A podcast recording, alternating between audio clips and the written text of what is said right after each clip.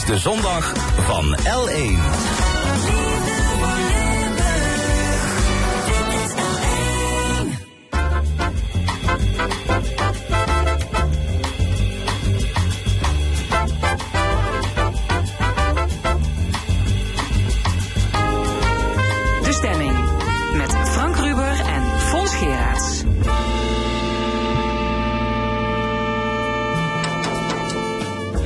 Welkom bij de stemming. Vandaag de volgende onderwerpen. Provinciale staten hebben amper zicht op de miljoenen euro's in het potje van het Limburgs Energiefonds. De missie van Joep Verbucht is om onze mentale kracht op te peppen. Zijn nieuwe boek gaat over het gezin. En onze cultuuranalist Cyril Offermans bespreekt het werk van kunstenaar Toon Teken. In het tweede uur is de gast Madeleine van Torenburg, gedeputeerde van de Sociale Agenda en Cultuur. Er is ook een column van Rezi Kouwmans en het panel met Cor Bosman, Loek Hustings en Geert van der Vast discussieert over het pensioenfonds van DSM en andere actuele zaken. Tot één uur is dit de stemming.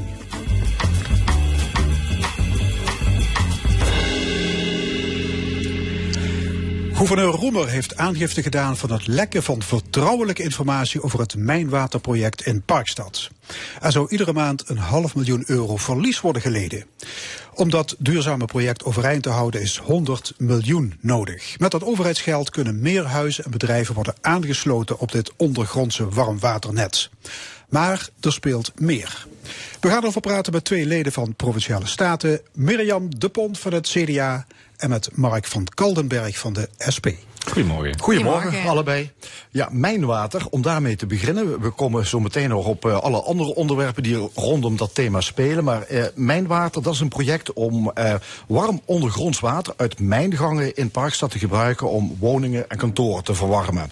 Het is jaren geleden als een heel ambitieus plan gepresenteerd. Zit dat nu in de problemen? Nee, ik denk niet in de problemen. Ehm, het is wat u zegt, het is vrij kleinschalig begonnen. Het is ook een vrij uniek concept. Ja, om, eh, 2000 aansluitingen geloof ik nu gerealiseerd. eh, zo ongeveer, ja. Ja. Eh, Maar u moet zich voorstellen, je moet echt letterlijk leidingen in de grond leggen om het te kunnen uitbreiden. En Dus dat is best intensief, ook kapitaalintensief. En Mijnwater staat nu eh, op een moment waarop nieuwe aansluitingen gerealiseerd moeten worden. Daar moeten nieuwe leidingen voor gelegd worden.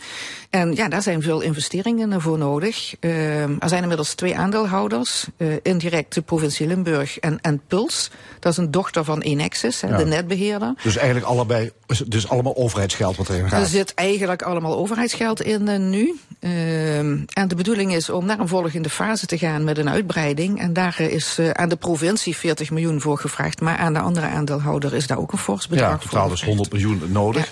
Eh, klopt het dat Mijnwater jaarlijks een verlies leidt, of eh, sorry, eh, maandelijks een verlies leidt van een half miljoen euro?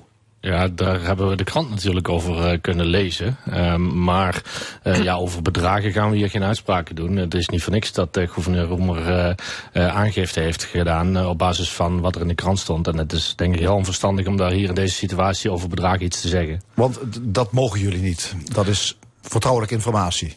Nou ja, lo- los daarvan. ehm, het is heel onverstandig, eh, denk ik, dat eh, financiële gegevens van een deelneming zomaar op straat komen eh, op het moment dat je investeringen nodig hebt. Dus los van, van of wij dat nou wel of niet mogen en hoe dat nou allemaal precies zit. ehm, het is gewoon niet verstandig om te doen, omdat je daarmee ook de toekomst van projecten, goede, duurzame projecten als Mijnwater misschien ja, beschadigt. En dat is niet wat je wil. Nee, maar ja, dat is veel geld hè, een half miljoen euro per maand. Een half miljoen is veel geld, maar eh, dat- zijn cijfers die we in de krant hebben gelezen. Verder kunnen we daar niks mee. Ja. Wie, wie, zou, wie zou dit lekken? Waar, wel- welk doel is hiermee gediend? Ik heb geen idee. Ik zou bijna zeggen, als uit eh, het onderzoek gaat blijken wie het is, kunt u misschien dat beter zelf vragen. Ehm, maar ik ben het wel met Mark eens. Eh, we hebben natuurlijk spelregels binnen de provincie, ook over vertrouwelijkheid. eh, en we hebben allemaal gezworen toen we beëdigd werden om ons daaraan te houden. En ik vind ook dat mensen dat moeten doen. Ja. Er is dus 100 miljoen nodig. Eh 40 miljoen van de provincie, 60 miljoen van dat onderdeel van En Puls, en ja. Puls. Ehm, ja, hoe kijken jullie daarna als politiek? Eh, want ik begrijp, er is nogal wat eh, huiver om die 40 miljoen van de provincie, om die inderdaad over te maken.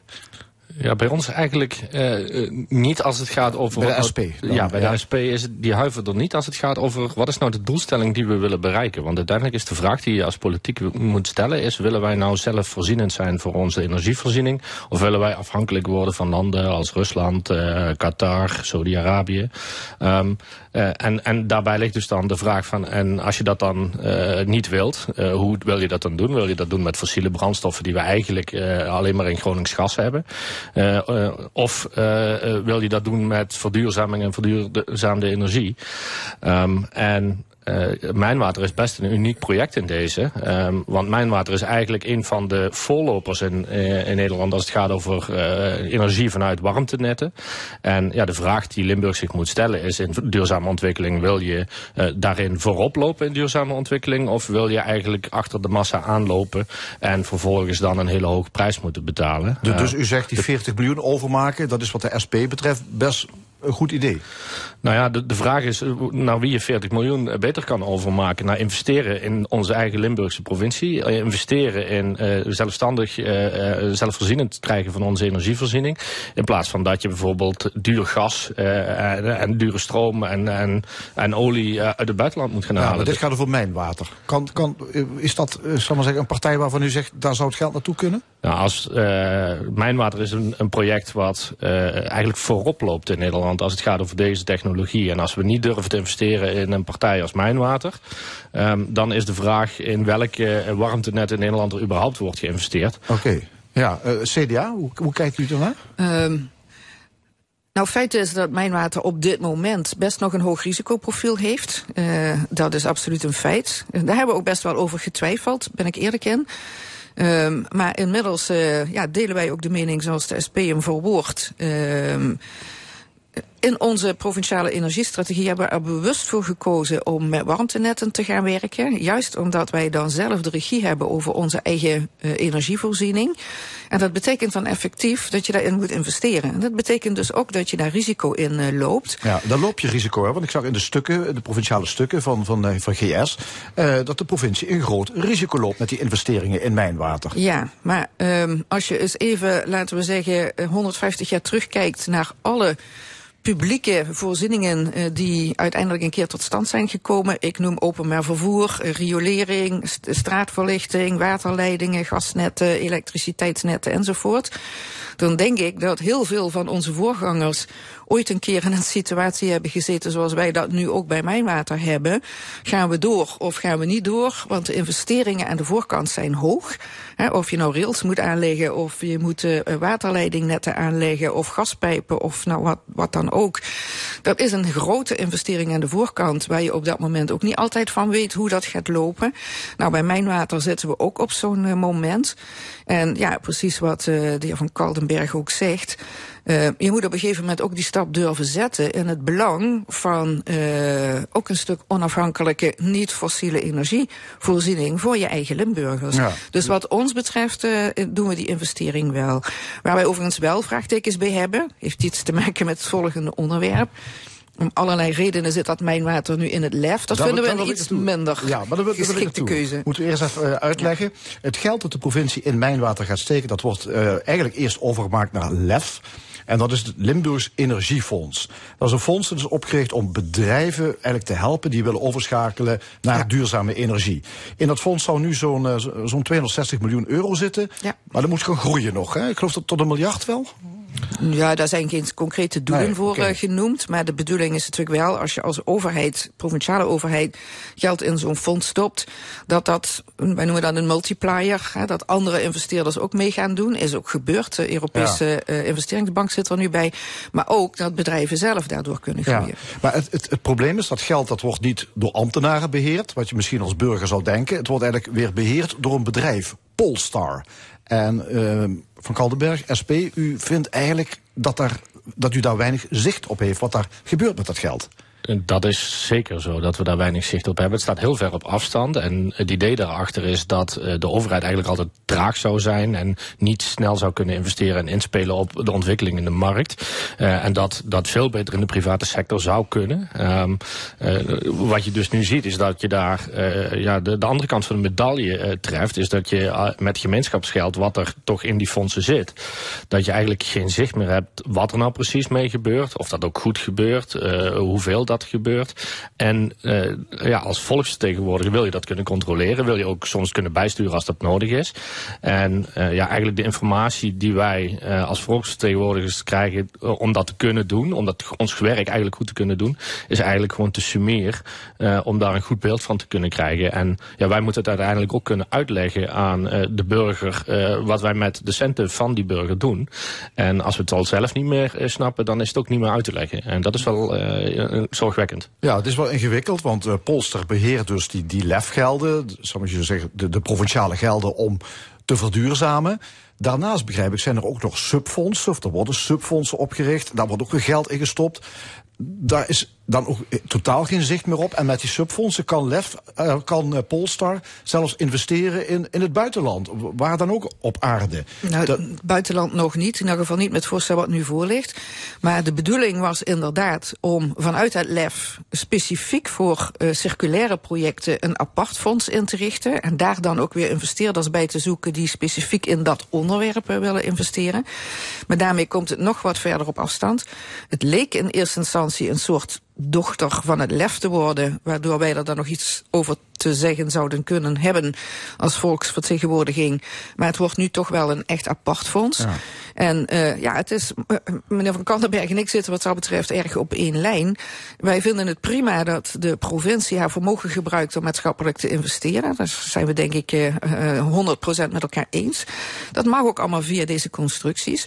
Maar hoe verder het van de provincie afstaat, hoe meer de vraag ontstaat, hoe kunnen wij onze controlerende takinvulling geven? geven Zonder overigens op de stoel te gaan zitten van die bedrijven zelf. Ja, of ons met elke individuele ja. investering te bemoeien. Dat is onzin. Een, het is een commercieel bedrijf. En ja, dat is natuurlijk gevoelige informatie. Als je het hebt over investeringen, onderhandelingen. Dat wil je niet dat dat openbaar, dat dat op tafel ligt. Dus, dus hoe, hoe, ja, hoe om te gaan met deze spagaat waarin jullie zitten? Ja, misschien eerst uh, iets nuanceren. Want mevrouw De Ponte zegt, uh, wij zijn het over eens dat er maatschappelijk moet worden geïnvesteerd. en, en dat klopt. Um, maar waar wij als SP in ieder geval niet zoveel voor voelen, is om heel veel gemeenschapsgeld vooral te gaan investeren in uh, met name hele vervuilende bedrijven. Om die net een klein beetje duurzamer te maken, maar vervolgens wel een schaalsprong te laten maken. Uh, om eigenlijk net een klein beetje minder, maar toch heel vervuilend uh, te kunnen groeien. Um, wat ons betreft zouden we ook echt moeten kijken hoe we ervoor zorgen dat Limburg echt verduurzaamt en minder vervuilend wordt. En um, de vraag is of de afstand die we nu hebben tot het lef uh, voldoende is om ook echt die transitie te maken die daarvoor nodig is. Ja, uh, dus jullie zouden er eigenlijk korter op willen zitten, veel meer controle. Maar ja, hoe, hoe bereik je dat? Want het bedrijf Polestar zal daar natuurlijk weinig uh, ja, zin in hebben. Nou ja, kijk, wat ons betreft moet de regie vanuit de provinciale overheid moet veel sterker. Mevrouw De Pont heeft het al een keer gehad over een raad van commissarissen. Ik denk dat het heel verstandig is dat wij zelf weer de regie gaan voeren over het Limburgse Energiefonds. Uh, want nu is Polestar Capital is de directeur-bestuurder van het Limburgs Energiefonds. Uh, en dan zie je dus dat de kennis en kunde bij de provinciale organisatie er eigenlijk niet is. En dat de provincie uh, volledig afhankelijk is van die marktpartij om iets te kunnen doen. Dat is eigenlijk, uh, ja, eigenlijk bij dan blind aan het vertrouwen op een marktpartij die, uh, ja, die, die, die je alle informatie kan geven. En, en nogmaals, dat zal vast goede informatie zijn. Voel alweer een parlementaire enquête aankomen voor vijf jaar. nou ja, Kijk, het is als je er van bovenaf naar kijkt hoe uh, het Limburgs Energiefonds uh, uh, en de investeringsfondsen georganiseerd zijn, dan lijkt het wel alsof je naar een bord spaghetti kijkt. Het, het, is echt, alle draadjes lopen door elkaar en de vraag is um, of we daar nog wel het overzicht in kunnen ontwaren. Ja, we weten dus niet hoe, hoe, het precies gebeurt, wat er precies gebeurt. Dat is, dat is niet echt transparant. Dat is, dat is ook niet wat de burger natuurlijk wil. dat, dat, dat hij niet weet wat er met zijn geld gebeurt. Nou, ik zou dat niet Je hebt voor- het over ik- vertrouwen in de overheid. Dan voel ik hier wel iets, eh, ja, hier iets scheef gaan. Nee, maar het is een terechte vraag. Wij, ja, zo voelen wij het ook. hè. Wij zijn volksvertegenwoordigers. Wij zijn allebei portefeuillehouder financiën. En wij voelen ook heel sterk die eh, behoefte om eh, te controleren of datgene wat we aan de voorkant beogen met het inzetten van provinciaal geld, of dat ook gerealiseerd wordt of niet. En hoe verder dat op afstand staat, hoe moeilijker dat wordt. En dat staat of valt inderdaad met informatie. Maar het staat of valt ook met hoe is het georganiseerd. Hè? Hoe zijn de checks en balances, om het maar zo te zeggen, georganiseerd. Ja, want jullie hebben natuurlijk ook maar heel beperkte tijd. Zo'n bedrijf dat het geld beheert, Polestar, dat dus on- ons geld beheert om te verduurzamen. Daar zitten mensen die zijn daar dagelijks mee bezig. Jullie hebben, ja, met alle respect, hè, hoeveel... eh, Drie dagen per week. Ja. Ja, nee, dat, dat, dat is wel zo. En het is natuurlijk ook niet de bedoeling dat wij vanuit onze rol eh, echt tot op het laatste niveau in de laatste investering duiken. Eh, Integendeel, en dat zouden we helemaal niet moeten willen. Maar wij moeten wel zeker weten ehm dat er goed toezicht wordt gehouden, dat er gecontroleerd wordt, ehm dat er ook, ehm ja, laten we zeggen, afspraken zijn over bijvoorbeeld het voorkomen van belang, belangenverstrengeling, dat helder is hoe besluitvorming gaat, hoe inderdaad ook getoetst wordt of bepaalde eh, projecten ook daadwerkelijk voldoen aan eh, de afspraken. Dat hoeven we niet allemaal zelf te doen. Ehm je hebt ook accountants die dat kunnen doen. Eh, je hebt een rekenkamer die dingen kan doen. Maar ook die rekenkamer was niet erg positief over de, de Nee. manier waarop wel LEF georganiseerd Nee, is. bij het LEF Nee, is de is situatie inderdaad in zoverre iets anders dan andere deelnemingen die we hebben. Daar was het best lastig om informatie boven water te krijgen, want daar speelt inderdaad wel wat de heer Van Kaldenberg zegt. Omdat een commercieel bedrijf daar eh, de bestuurder en uitvoerder is, kom je al heel snel in de discussie, ja, dat is bedrijfsgevoelige informatie. Ehm, en dat maakt het dan wel lastig. En daar moet je het wel met elkaar over hebben. Er kan een reden zijn om dat te doen, maar dan moet je het wel goed regelen. Ja. Nee, dat, Tot, dat, tot slot, Van Kaldenberg. Ja, dat is zeker waar. Hè. Kijk, en eh, als het gaat over hoe gaan wij onze energietransitie nou vormgeven en hoe gaan wij er nou voor zorgen dat wij niet meer zo vervuilend zijn eh, in Nederland eh, en in onze provincie, ja, dan is de vraag of je dat zeg maar aan het bedrijfsleven moet overlaten om die transitie voor te zetten. Daar zou de overheid veel meer op moeten eh, springen. En als het gaat over het Limburgs Energiefonds, ja, wat ons betreft, gaan we daar ook veel eh, sterker eh, weer op inzetten. En ja, als het gaat over eh, bijvoorbeeld mijnwater, zou dat een opstap kunnen zijn naar weer een provinciaal Limburgs energiebedrijf zoals we dat ooit gehad hebben. Meer sturing. Dank jullie wel. Ehm, de, de discussie gaat voort en in eh, februari weer in de Staten. Zeker weten. Mirjam de Pont van het CDA en Mark van Kaldenberg van de SP. Zometeen Joep Verbucht, de man die zich onvermoeibaar blijft inzetten voor onze mentale gezondheid. Zijn nieuwste boek richt zich op het gezin. Eerst muziek van Seal.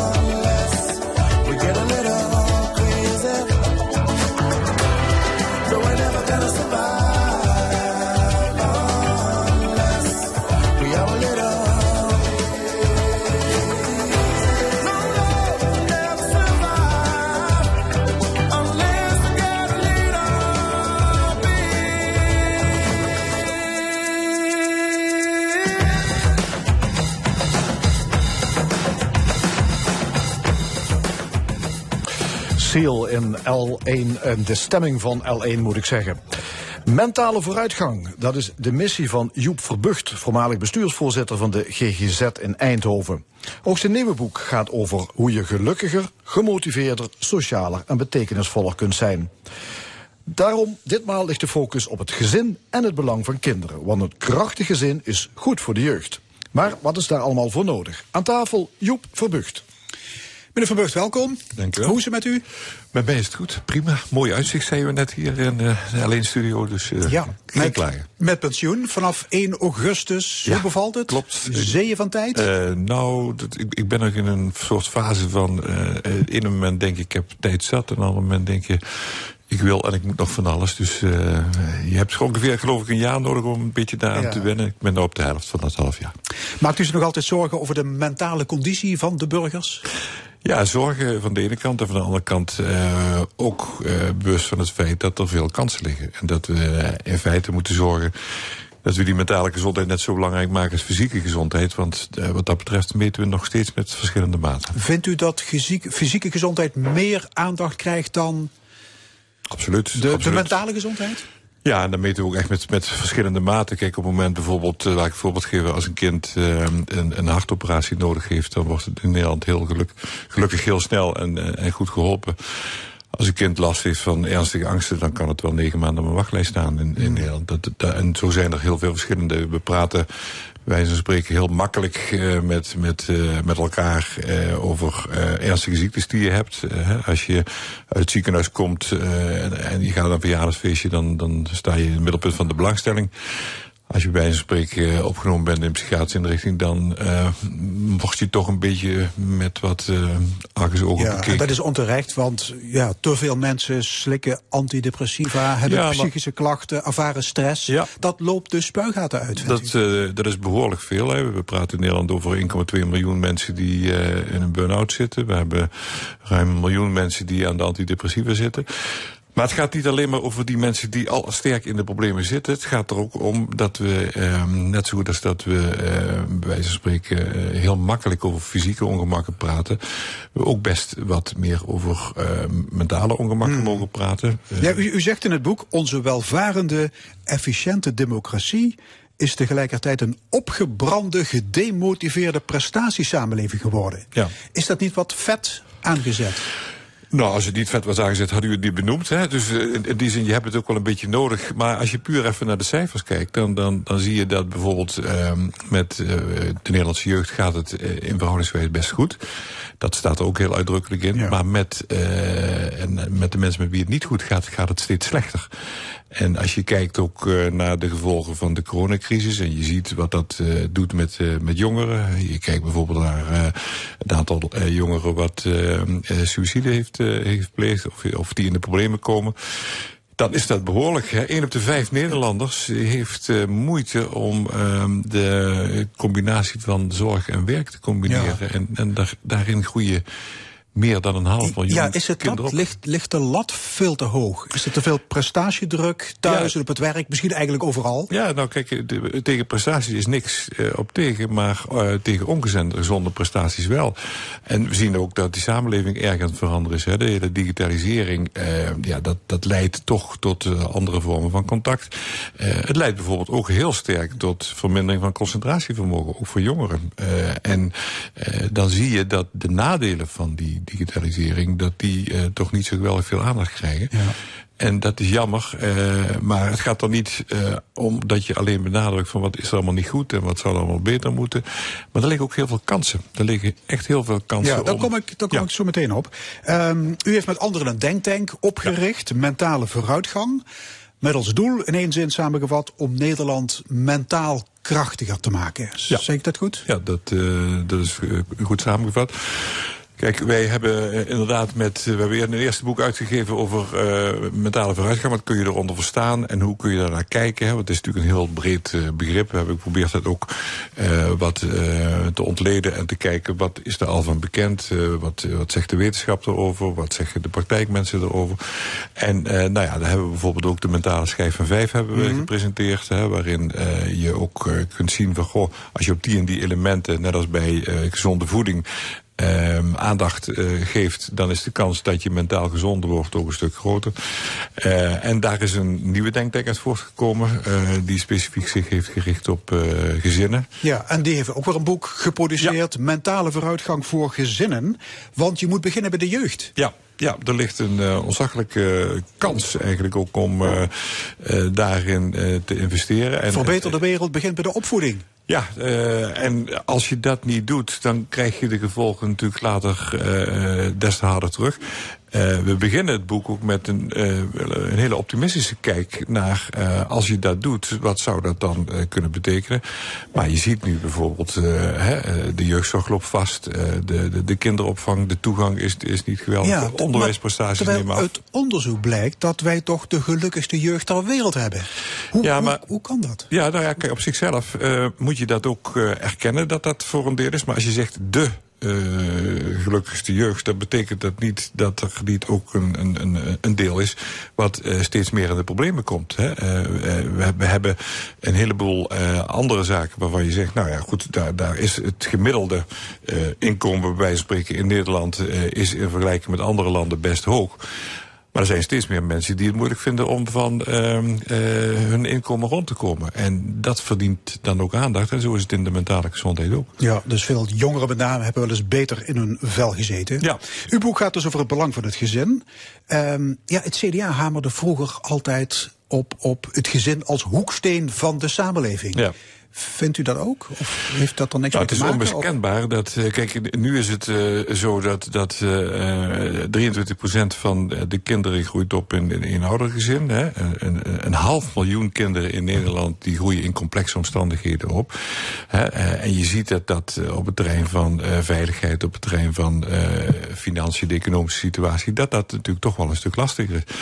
En als je kijkt wat wij spreken een, een, een, een plezierige en goede jeugd uh, betekent voor het uitgroeien tot evenwichtige volwassenen, dan is dat ontzaglijk uh, belangrijk.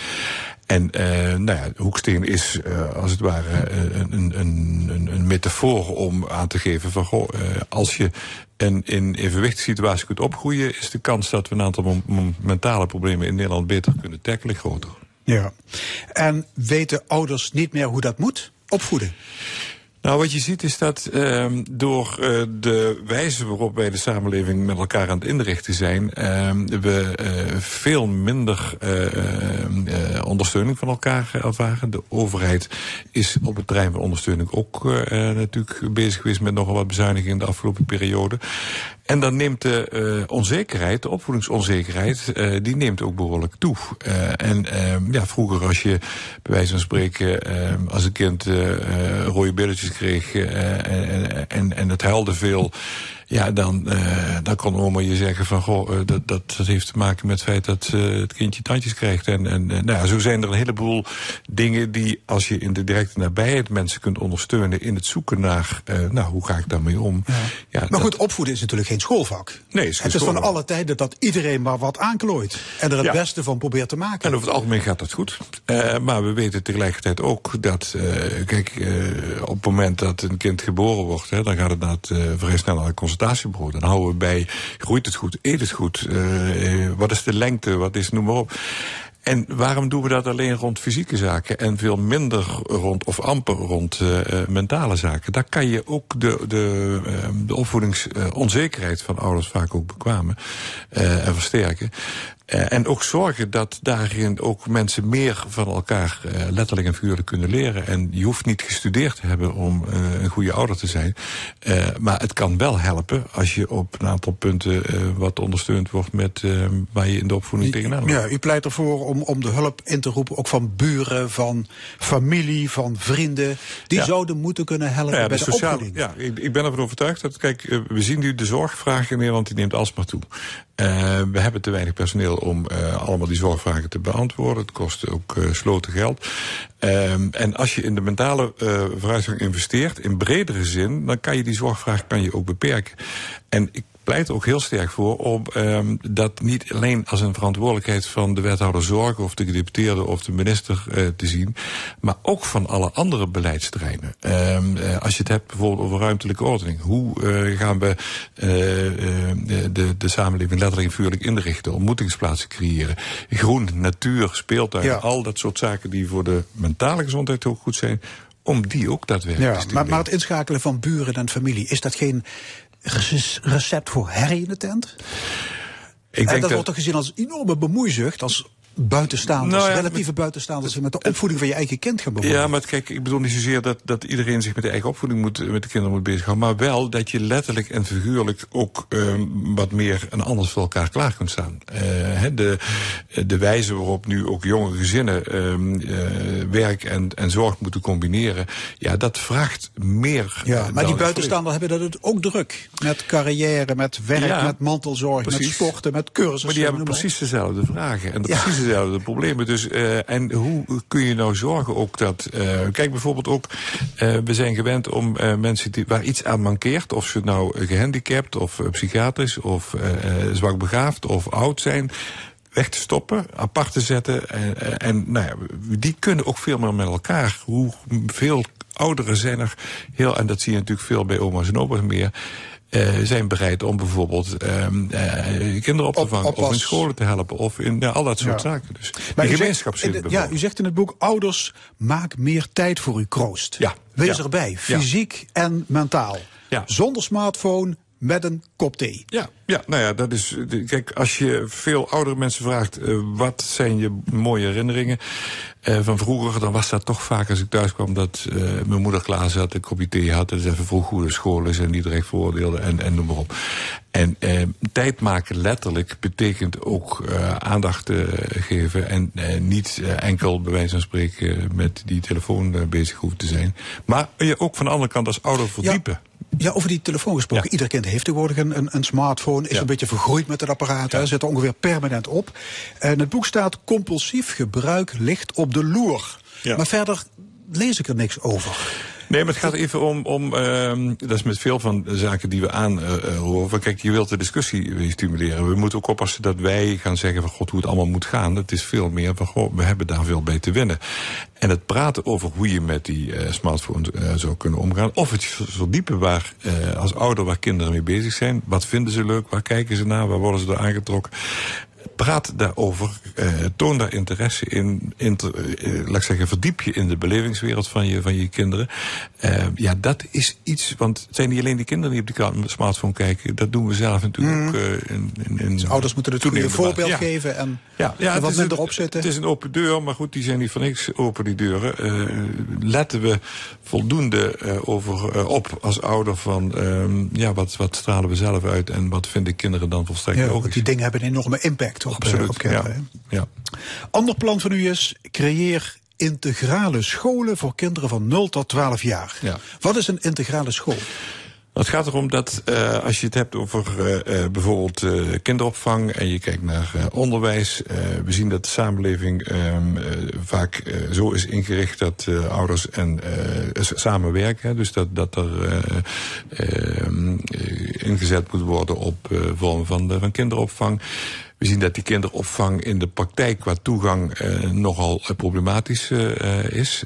we zien ook dat ehm, de kwaliteit van het onderwijs en de aansluiting tussen die kinderopvang en, en, en het onderwijs dat die beter kan. Nou, integrale ehm, kindcentra, kan, daar bedoelen we eigenlijk mee dat je plekken creëert waar kinderen uh, op een uh, ja, behoorlijk deel van de dag uh, zowel de, de opvang als ook onderwijs gezamenlijk kunnen vormen.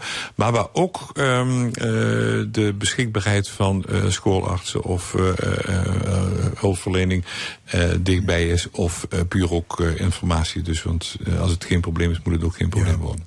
In één hoofdstuk wordt de klok vooruitgezet naar het jaar 2050. Wat zou dan het ideale plaatje zijn? Het ideale plaatje zou zijn, denk ik, dat uh, er uh, veel minder opvoedingsonzekerheid is. Dat de toestroom naar de jeugdzorg aanmerkelijk verminderd is. Dat we die integrale uh, centra hebben. Dat elk overheid zich afvraagt en alle bedrijven zich afvragen van... God, hoe kunnen wij mentaal verantwoord ondernemen. Uh, wat doen wij uh, in al die beleidsterreinen uh, als het gaat om de mentale gezondheid? Vraagt dat ook van wat helpt daarin? waarin we dus ook een zorgvraag hebben die niet alleen maar professioneel moet worden opgelost, maar veel meer ook door de samenleving kan worden opgepakt. Dus meer gemeenschapszin en ook veel meer het besef dat um, uh, we in uh, mentale gezondheid investeren uh, heel erg veel te winnen hebben. Ja, en de jeugdzorg is dan afgeschaft, zei je net. Dat nou, klinkt wel heel erg utopisch. Nou, ik, daar staat niet in dat het afgeschaft is. Het gaat erom, kijk, nu zie je dat er veel, constant meer mensen in de jeugdzorg instromen, maar veel minder uitstromen. Dus die, die verstopt.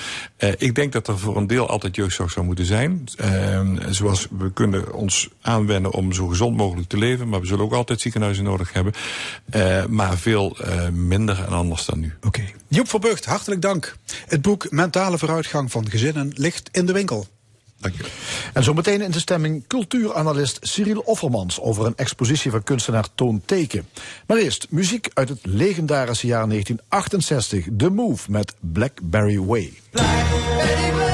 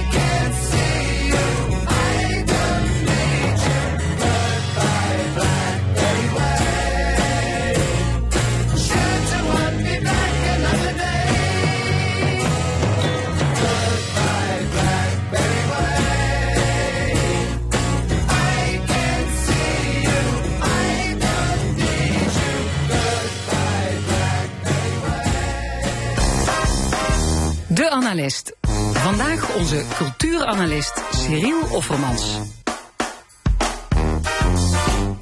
Ja, goedemorgen Cyril. Ook goedemorgen, heren. Um, jij wil het hebben over een expositie die te zien is in Brussel, maar met een hele duidelijke Limburgse link, want het is een expositie van toonteken. Ja.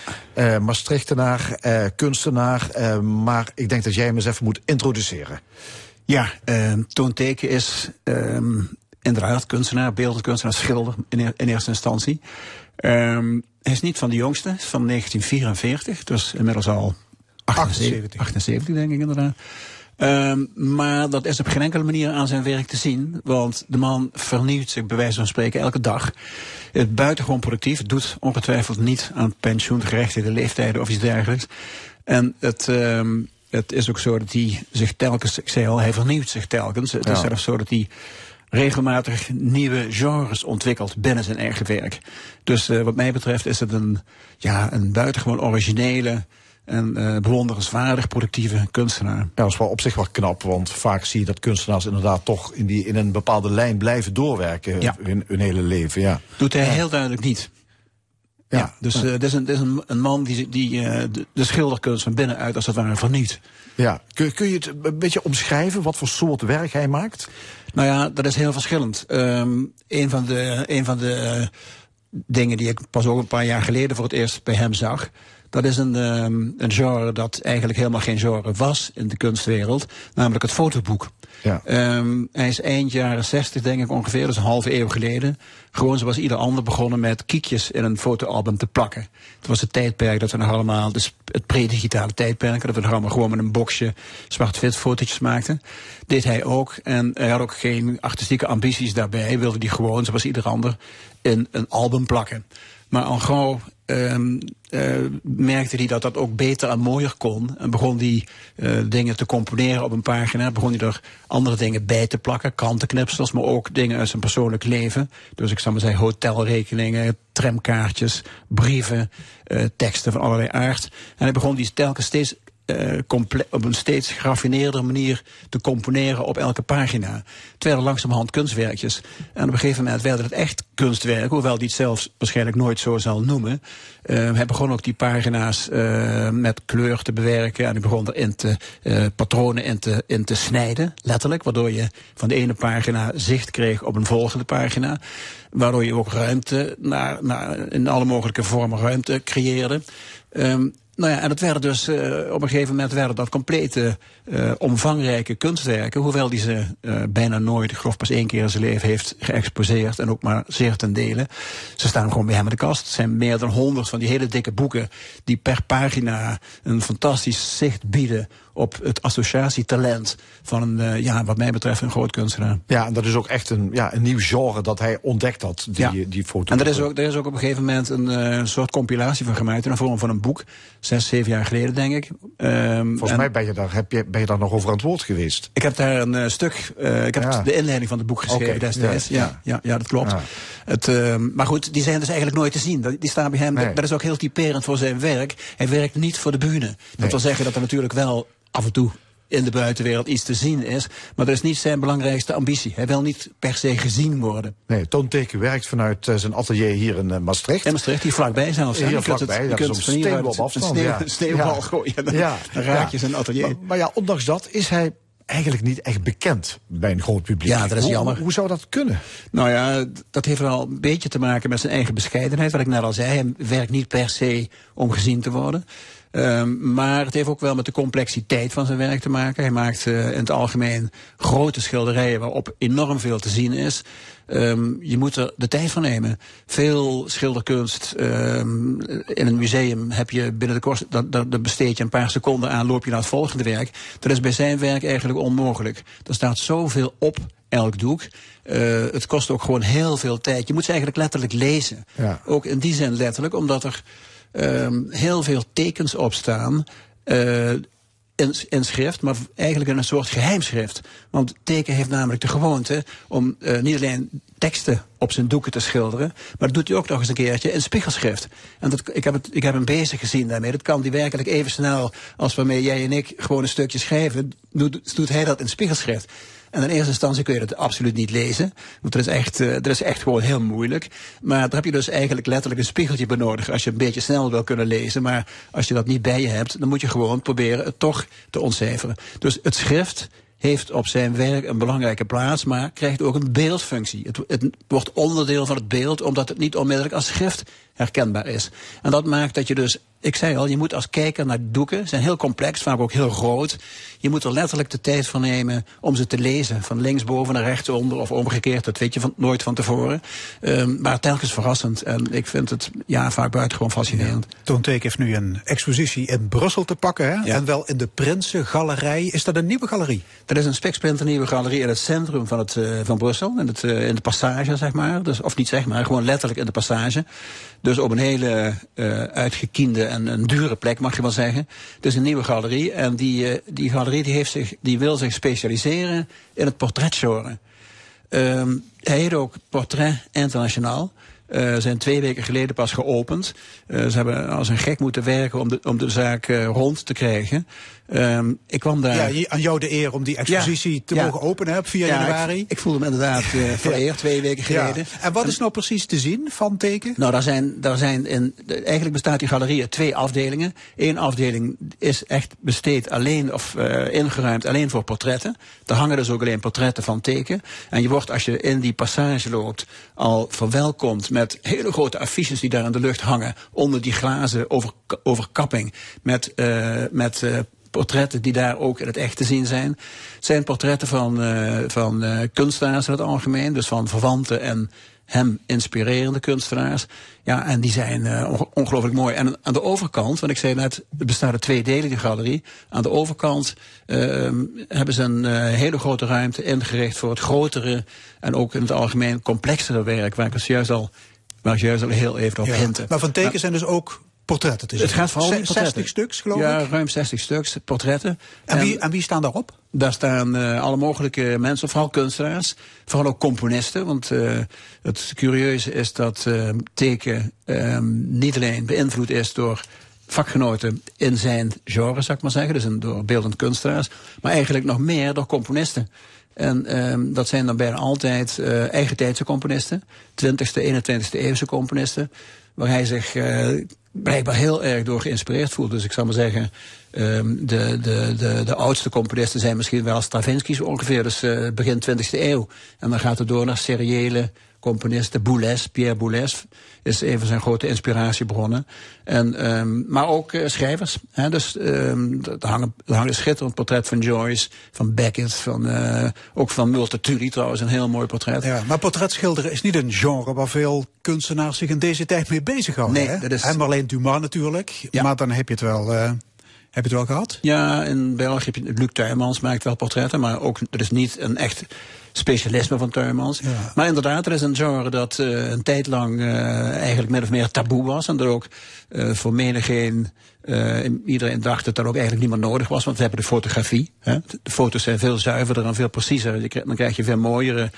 Maar dat is net het aardige dat uh, Teken ook het portretgenre eigenlijk vernieuwd heeft. Hij heeft namelijk, uh, hij maakt portretten die je, je, herkent de kunst, de mensen die hij afbeeldt doorgaans wel. Maar hij lijkt wel zijn best gedaan te hebben om ze zo onherkenbaar mogelijk te maken. Mm. Dus hij, hij maakt uh, uh, in een hele, uh, vaak hele wilde penseelstreek, wist hij als het ware de ogen en de oren en de, en, en de, en de meest sprekende delen van het gezicht uit. En als het ware in de motter en de dikke lagen van verf zie je ze dan toch weer tevoorschijn komen. Okay. En dat is, dat is werkelijk, dat kun je heel moeilijk omschrijven. Je moet gaan kijken om, dat, uh, om te zien hoe dat werkt. Maar ik vind dat buitengewoon fascinerend. Maar tamelijk onherkenbaar dus. De steker zal niet geselecteerd worden voor het televisie, televisieprogramma Sterren op het Doek. Nee, maar ja. in eerste instantie onherkenbaar. Als je goed kijkt, blijkt je er toch voortdurend ja. mensen in te... Dus werkelijk... Heel ja. erg knap gedaan. Goed. Dus 60 portretten van Toonteken zijn dus te zien in de Prinsengalerij in Hartje Brussel tot en met ja. 19 februari. Ja. Kan dit zo'n doorbraak betekenen? In nou, België? ik denk zijn 78 dat, zou, dat zou me niet verbazen, want die uh, tentoonstelling gaat voor een belangrijk deel nog naar uh, Barcelona. En er is sprake van New York zelfs en alle mogelijke andere wereldsteden, zou ik maar zeggen. Dus het zou me niet verbazen als Toon, uh, ik wil niet zeggen op zijn oude dag, maar toch in elk geval op zijn 78ste, uh, een behoorlijke, uh, belangrijke nieuw, nieuw kijkers, kijkers en, en, en bewonderaars aan zich zal binden. En wie weet nog in het Bonnefante Museum? Dat zou zeker de moeite waard zijn, want Bonnefante heeft hem wat mij betreft erg onderschat altijd. Hij zou met Bonnefante een keer een hele verdieping moeten krijgen, vind ik. Cyril, tot slot, wat is je cultuurtip? Een film, een fantastisch mooie film van een jonge eh, Belgische, uit Gent afkomstige eh, cineast, Lucas Dont, D.H. de Hond eigenlijk. De film heet Close. Eh, die titel is heel goed gekozen, want uh, de, film gaat over twee jongens van 13 jaar die in de overgang zijn naar zeg maar, de puberteit en die een soort emotionele conflicten binnen zichzelf ontdekken, omdat de wereld waarin ze komen, ze komen uit een hele beschermde wereld van, een, van ontwikkelde gezinnen waarin ze veel liefde ontvingen, maar ze komen dan terecht in een school, in een grotere wereld die veel gewelddadiger en veel ruwer is. En dat leidt tot, in, tot alle mogelijke emotionele conflicten die op een ongewoon subtiele manier zijn verfilmd. Zonder voice-over, zonder dikke aanzetten, zonder dat, die, dat het geweld waarmee ze te maken krijgen ook letterlijk verbeeld wordt. Hè. Dus zonder spectaculaire beelden. Ik zal maar zeggen, het tegendeel van Ivo van Hoven, die altijd dat aandikt en die dat, dat nodig vindt om dat uh, zo expliciet mogelijk te doen. Maar ongelooflijk goed gefilmd en zeer ontroerend na afloop van de film zat de zaal nog minstens vijf minuten lang um, in zichzelf gekeerd uh, te verwerken. Wat oh, dat is een zeldzaamheid. Is Meestal gaat iedereen de deur uit bij de aftiteling. Ja, maar dat is bij deze film bijna onmogelijk, omdat die je tot in het diepst van je mergen raakt. De, de zakdoeken moeten nog worden opgeborgen. Dat uh, zou uh, misschien wel het geval zijn, ja. ja die Lucas de Hond is ook de maker van de film Boy over een transgender niet boy. Die film heet juist balletdanseres. Nee, die film, die film heet juist Girl, niet Boy. Oké, maar het is ook zo'n gevoelige film. Het is net zo'n vergelijkbare film wat betreft uh, de, de manier van opnemen. Dus ook heel. De hond heeft bijvoorbeeld de gewoonte om met zijn. Uh, hij, hij, doet er heel lang over om acteurs te vinden die dat kunnen. Het zijn jongens van 13 jaar die de hoofdrol spelen. En die, die lijken wel. Het, kijk, een goede speelfilm moet. Dan moet het zo lijken alsof het acteerwerk uh, dat van een documentaire is. Dat je helemaal niet ziet dat er geacteerd wordt. En dat kun je alleen bereiken door jongens, of door acteurs, actrices, heel lang ermee om te gaan, heel lang vertrouwen te winnen, zodat ze ook uh, zo natuurlijk mogelijk. Ze spelen eigenlijk helemaal niet. Het is een ongelooflijk natuurlijk opgenomen film. Ik vind het uh, een wonderwerk. Cyril Offermans, hartelijk dank. En Kloos van Lucas de Hond draait nog in bioscoop en filmhuis. Ja. En na 12 uur in de stemming een gesprek met gedeputeerde Madeleine van Torenburg over gezondheidsachterstand, toenemende armoede, het CDA en er kennismaken met de Limburgse politiek en samenleving. In Blaaskracht volop aandacht voor saxofoonmuziek. In het concert Back to the Roots laat het Moza Saxofoonkwartet horen hoe de oudste muziek klinkt die geschreven is voor saxofoon. ook hedendaagse muziek voor de sax is te horen. Het Moza Saxofoonkwartet. Vanavond in Blaaskracht van 7 tot 9 op L1 Radio.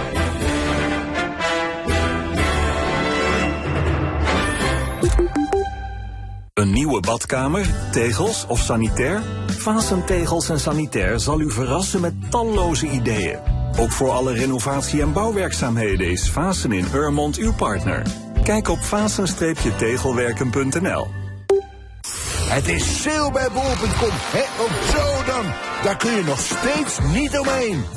Want alleen deze week Nivea persoonlijke verzorging met 50% korting op de adviesprijs. En Lego toppers met tot 15% korting. Bekijk alle deals in de app of ga naar bol.com.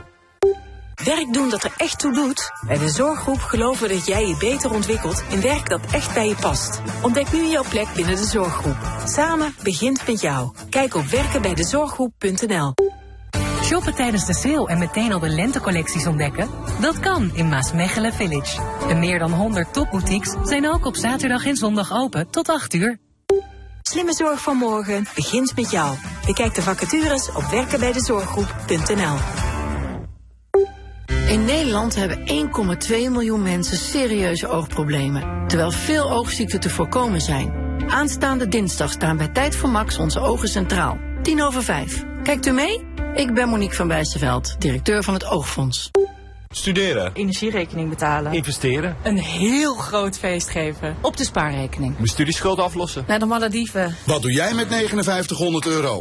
Want koop je nu een nieuwe Opel Mokka Electric... dan krijg je 2950 euro overheidssubsidie... plus 2950 euro van ons. Opel. Heel Holland elektrisch. Vijf dagen alles inclusief in Nederland, Duitsland en België? Enjoy Hotels. Hoe kan het voor zo'n prijs? Boek nu enjoyhotels.nl. Etos heeft altijd de beste acties voor jou. Zoals nu Avogel Egina Fors. Tweede halve prijs, ook op etos.nl. Liefs Etos, met uitzondering van geneesmiddelen. Vijf dagen alles inclusief vakantie? Boek nu enjoyhotels.nl. Wilt u sms'en met uw kleinkind? Whatsappen of Snapchatten? Foto's maken en video's bewerken? Of liever video's maken en foto's bewerken? Facebooken, faceswappen, facetimen, winkelen met uw laptop, parkeren met uw smartphone? Of gewoon veilig uw computer updaten? Het leven wordt een stuk leuker als u een beetje digitaal fit bent. En daar helpen wij u graag bij. SeniorWeb. Al 25 jaar de computerhulp voor u. Kijk op seniorweb.nl. We zeggen altijd, de tiende kan het gebeuren. En 10 januari gebeurde het ook.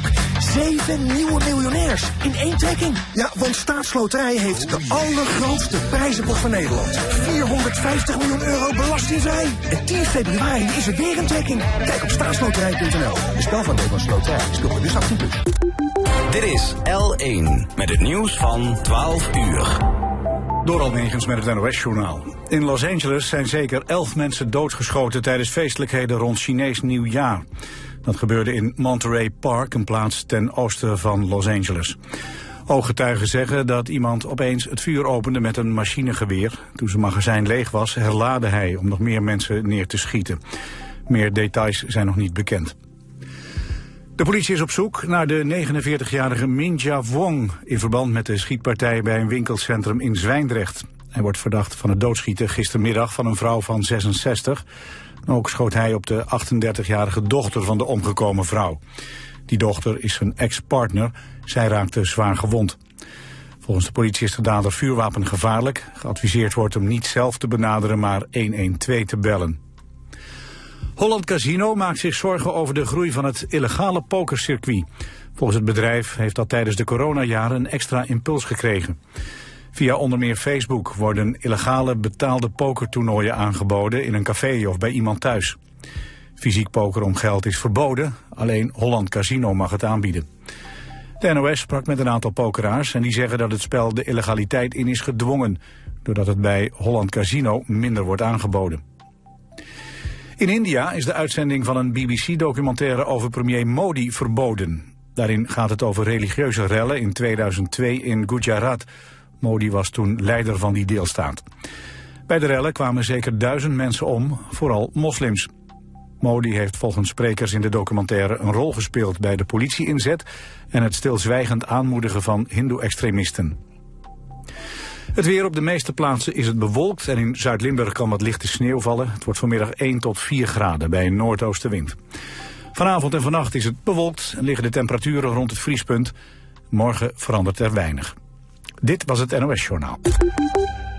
Mmm, pindarotjes. Wie is er niet groot mee geworden? Rousseau maakt al sinds 1969 de allerlekkerste. En goed nieuws. Melk puur of gemengd, de pindarotjes van Rousseau zijn nu tijdelijk in de aanbieding. 9,95 voor 1 kilo. Altijd puur genieten. Met Rousseau chocola. Kijk op rousseau.nl.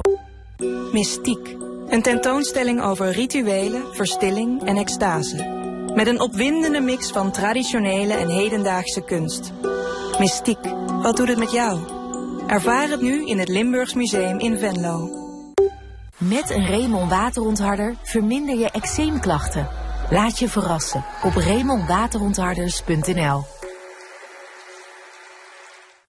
Bij Klaverblad draait het om mensen. Dus als we investeren in bedrijven, dan volgen we de code duurzaam beleggen. Zo beleggen we alleen in bedrijven die het beste met mensen voor hebben en niet in bedrijven die puur gericht zijn op winst. Dat levert misschien minder op, maar het voelt wel veel beter. Klaverblad. Als je maar lang genoeg gewoon blijft, word je vanzelf bijzonder. Profiteer nu van onze BTW-actie op remonwaterontharders.nl. Nu bij Subaru Eusen. De volledig elektrische Subaru Solterra. Maak kennis met deze prachtige SUV. Geniet van een proefrit en kom naar onze showroom in Ransdaal. De nieuwe Subaru Solterra. Kijk op eusen.nl. Voor al jouw haarproducten, hairaction.nl. Al 35 jaar voor de kapper en thuis. Vind al jouw favoriete haarverzorging bij hairaction.nl. Vandaag besteld, morgen al in huis. hairaction.nl. Evaluatie gezondheidsclaim Boswellia is lopende. Een gezond lijf begint bij jezelf. Dus kom in beweging en vul je voeding aan met Vitepro. Want dat ondersteunt gewrichten met Boswellia serrata en spieren met vitamine D. Bestel Vitepro nu voor maar 9,95 op vitepro.nl. Hi Hairlover. Bestel je haarproducten gemakkelijk online op hairaction.nl. Tijd voor een big party met onder andere Lex Uiting, Trekzack en Guus Meeuwis. Q-Music's The Big Party op zaterdag 4 februari in Venray. Ga voor tickets naar bigparty2023.nl. Buit van de dag van Staatsloterij is terug. Dus word nu abonnee, dan maak je dagelijks kans op 1000 euro netto. Word nu abonnee op staatsloterij.nl slash buit van de dag. Het gebeuren. Staatsloterij. Een spel van Nederlandse Loterij. Speel bewust 18 plus. De Big Party op zaterdag 4 februari in Venray. Dit is de zondag van L1.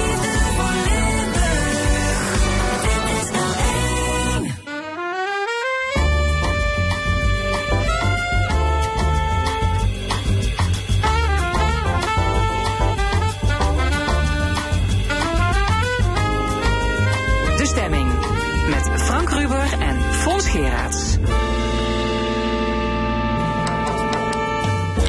Opnieuw welkom bij de stemming. En wat allemaal in de tweede en laatste uur. Nou, straks het panel met Cor Bosman, Loek Hustings en Geert van der Vast. En zij discussiëren over tanks voor Oekraïne, het World Economic Forum en andere actuele zaken. Er is ook een column van Rezi Kouwmans, maar eerst een onze provinciebestuurders. Bij ons is gedeputeerde Madeleine van Torenburg. Ze werd in juli 2021 geïnstalleerd. Ze maakt deel uit van de nieuwe ploeg die eigenhandig is samengesteld door de toenmalige interim-gouverneur Johan Remkes. Het vorige college trad af na een reeks integriteitsschandalen. Voormalig CDA Tweede Kamerlid van Torenburg heeft in haar portefeuille onder meer sociaal beleid, cultuur en sport. Goedemiddag. Goedemiddag. Ja, we moeten wat, wat, keuzes maken. Ik dacht, ja, gezondheid, eh, dat is eh, een van eh, uw kerntaken natuurlijk. De provincie heeft de afgelopen jaren veel geld gestoken in de aanpak van gezondheidsachterstanden in Limburg. Want ja, wij lopen op allerlei lijstjes, staan wij natuurlijk op een lage plek, als je het vergelijkt met de rest van Nederland. Blijft u daarmee doorgaan? Met, de, met aanpak van gezondheidsachterstanden. Nou, het, het, is natuurlijk heel spannend dat we de afgelopen zeven jaar heel erg veel hebben geïnvesteerd in de sociale agenda van Limburg. Daar loopt Limburg echt in voorop ten opzichte van de rest van Nederland. Um, ik was wel een beetje bezorgd van hoe gaan we hiermee verder, want ik vind het heel belangrijk. Maar gelukkig hadden we afgelopen vrijdag een hele mooie vergadering. Een uh, commissievergadering uh, in uh, het gouvernement. En daar merkte ik gelukkig aan eigenlijk bijna alle politieke partijen dat ze heel graag verder willen gaan met die sociale agenda. Het kan natuurlijk op allerlei manieren. Het hoeft niet alleen een belangrijke financiële rol te zijn. Die zal er altijd wel blijven hoor. Maar zeker die kracht van de verbinding van het provinciehuis in Limburg. Ja, dat is denk ik wel iets wat we vast moeten houden. Want we mogen dat nooit voor niks gedaan hebben. Ja, maar er zijn wel zorgen. Uh, eerder deze maand hebben CZ, de GGD Zuid-Limburg en het Maastricht UMC een uh, brief aan de provincie gestuurd. En daarin zeggen ze toch wel bezorgd te zijn, omdat ze denken dat de provinciale steun wel eens zou kunnen verminderen voor aanpak van die gezondheidsproblemen. Omdat, ja, er moet gewoon bezuinigd gaan worden. Nou, wat er aan de hand is, uh, inderdaad.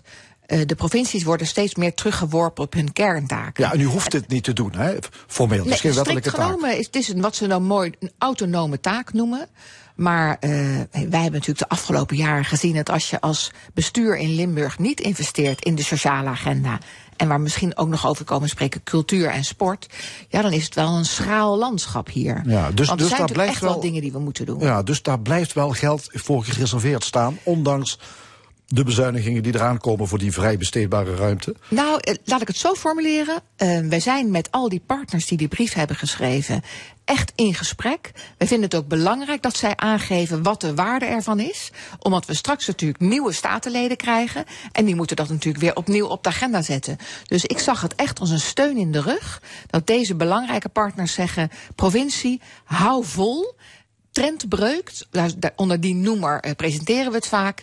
Dat vraagt echt inzet van een hele generatie. Dus blijf daarmee doorgaan. Dus ik ben uh, intens gelukkig dat deze partners dit geluid hebben laten horen. Ja, u heeft vorige week een bustour gemaakt door Parkstad. Uh, ja, dat is een regio waarin armoede, gezondheid, laaggeletterdheid natuurlijk spelen, hè, wat dat probleem speelt.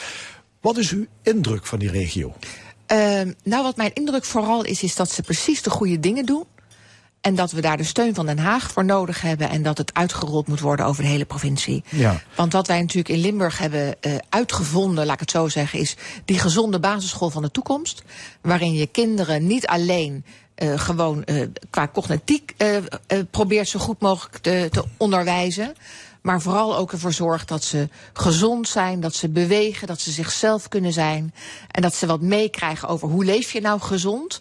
En dat, uh, dat hebben we laten onderzoeken. Dus het is niet zomaar een plannetje geweest, maar ook echt. Natuurlijk weten we wel dat als je kinderen goed eet, eten geeft en laat bewegen, dat ze gezonder worden. Maar wat de impact is op school, ook ten aanzien van pestgedrag, ten aanzien van resultaten, hebben we allemaal laten onderzoeken. Universiteit Maastricht liep dus mee met dat hele traject. Ja, en dan zie je hoe het werkt en hoe belangrijk het is. En daar gaat die regio Parkstad, maar ook de andere regio's in Limburg, echt gewoon met een enorme sprong mee naar voren. Ja, dat zijn, moeten we volhouden. Ja, er zijn meer projecten. Heerlen werkt, waarin mensen die aan de, zal maar zeggen, die, die, die niet zo makkelijk in het gewone bedrijfsleven ja. aan de slag kunnen, waar die toch een baan krijgen. In Kerkrade bijvoorbeeld ook een project om mensen vitaler te maken, meer te laten bewegen. Het lijkt wel een beetje alsof die hele regio dus aan het infuus ligt. Dat je er van, ja, je, je moet er maar in, in, aan uh, uh, geld in blijven stoppen, aandacht aan blijven geven. Waarom is die zelfredzaamheid er niet? Nou, het is natuurlijk toch wel uh, de historie van de regio met de mijnsluiting, waardoor je ziet dat mensen een enorme klap hebben gekregen. De mijnen zijn ondertussen geloof ik 50 jaar dicht. Precies, en ja. we zien dus de overdraagbaarheid op generaties van armoede en overheidsafhankelijkheid. Dus dat is. Maar er is toch een nieuwe generatie opgegroeid. Die, die kinderen gaan toch ook naar school? Dat, is zie, toch... dat, dat, dat zou je zeggen. Maar helaas zie je toch in bepaalde wijken waar uh, veel armoede was, waar veel gestruggeld is, waar heel veel ongezondheid was natuurlijk in die mijne tijd, dat dat overerft. En het kunnen, waar kunnen we onze ogen voor sluiten? Kunnen we inderdaad zeggen, ja, beste vrienden, we hebben nu 50 jaar in jullie geïnvesteerd, zoek het even lekker uit. Nee, zo werkt het niet. We zullen langjarig daaraan verbonden moeten blijven, maar wel met de goede dingen. Want de andere voorbeelden die u terecht noemt op die arbeidsmarkt, ja, we zijn ook een beetje een vergrijsde provincie en we hebben iedereen nodig. Dus doen we het dan niet voor de mensen waar ik het graag voor doe, doe het dan voor de totale economie en trek elkaar daarmee uit het slop. Ja, even over uzelf. Uh, u bent geboren in Den Haag, maar deels opgegroeid in Klimmen. Ja. Hoe kwam dat zo? Heerlijk. Mijn vader was uh, een van de mensen die bij de DSM werkte. En die van toen nog uh, Utrecht, waar we een poosje woonden, naar het zonnige zuiden mocht gaan. Oké, okay, en hoe, hoe oud was u toen? Ik was toen 16. En hoe lang bent u klimmenaar geweest? Ik ben uh, drie jaar klimmenaar geweest. Maar ja, als je ouderlijk huis ergens staat, dan blijf je daar komen. Dus mijn ouders uh, zeiden ooit nog, dat deden natuurlijk heel veel mensen, die zeiden we gaan nu mooi in Limburg wonen. En als we dan met pensioen zijn, gaan we weer terug naar Den Haag. Hebben ze nooit nee, gedaan. Nee, nee. ze en, zijn en hier helemaal bent... begonnen. En mijn moeder, ik wil dat toch leuk zeggen hier in, op de radio. Mijn moeder is bijna 85 en staat nog bijna iedere zaterdag en ook een keertje op een andere dag in de winkel van Sinkel in Heerlen. Uh, tweedehands winkel, helemaal aanverknocht. Met haar zusje van uh, 86 staan ze daar, die twee krasse dames. Dus hoe heerlijk is dat? Okay, ze zijn helemaal uh, natuurlijk ja. bezig in deze samenleving. En de radio staat op L1. Ik hoop het wel. En u bent gereformeerd opgegroeid. Heb ik dat goed? Nee, ik ben een beetje nee? tussen, uh, tussen de religies opgegroeid. Mijn moeder komt uit de katholieke, mijn vader, mijn vader uit de protestantse familie. Mochten in die tijd eigenlijk niet echt trouwen, maar dat, daar werd een mouw aan gepast.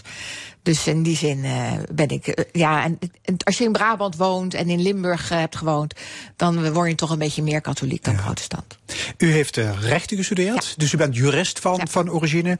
U schreef een keer, Ieder mens, dus ook ikzelf, kan ernstige misdaden begaan als de omstandigheden ernaar zijn. Um, waarom denkt u dat? Ja, als je gevangenisdirecteur bent geweest, en zeker ook in Limburg bij de vrouwengevangenis, dan zie je wat, uh, wat enorme drama's met iemand kunnen doen. Dus uh, daar zaten natuurlijk vrouwen die mishandeld, misbruikt zijn. Uh, op een moment aan de totale zelfkant terechtkwamen. Ja, natuurlijk. En, in, in hun wanhoop van drugsgebruik uh, de meest gruwelijke dingen uithaalden.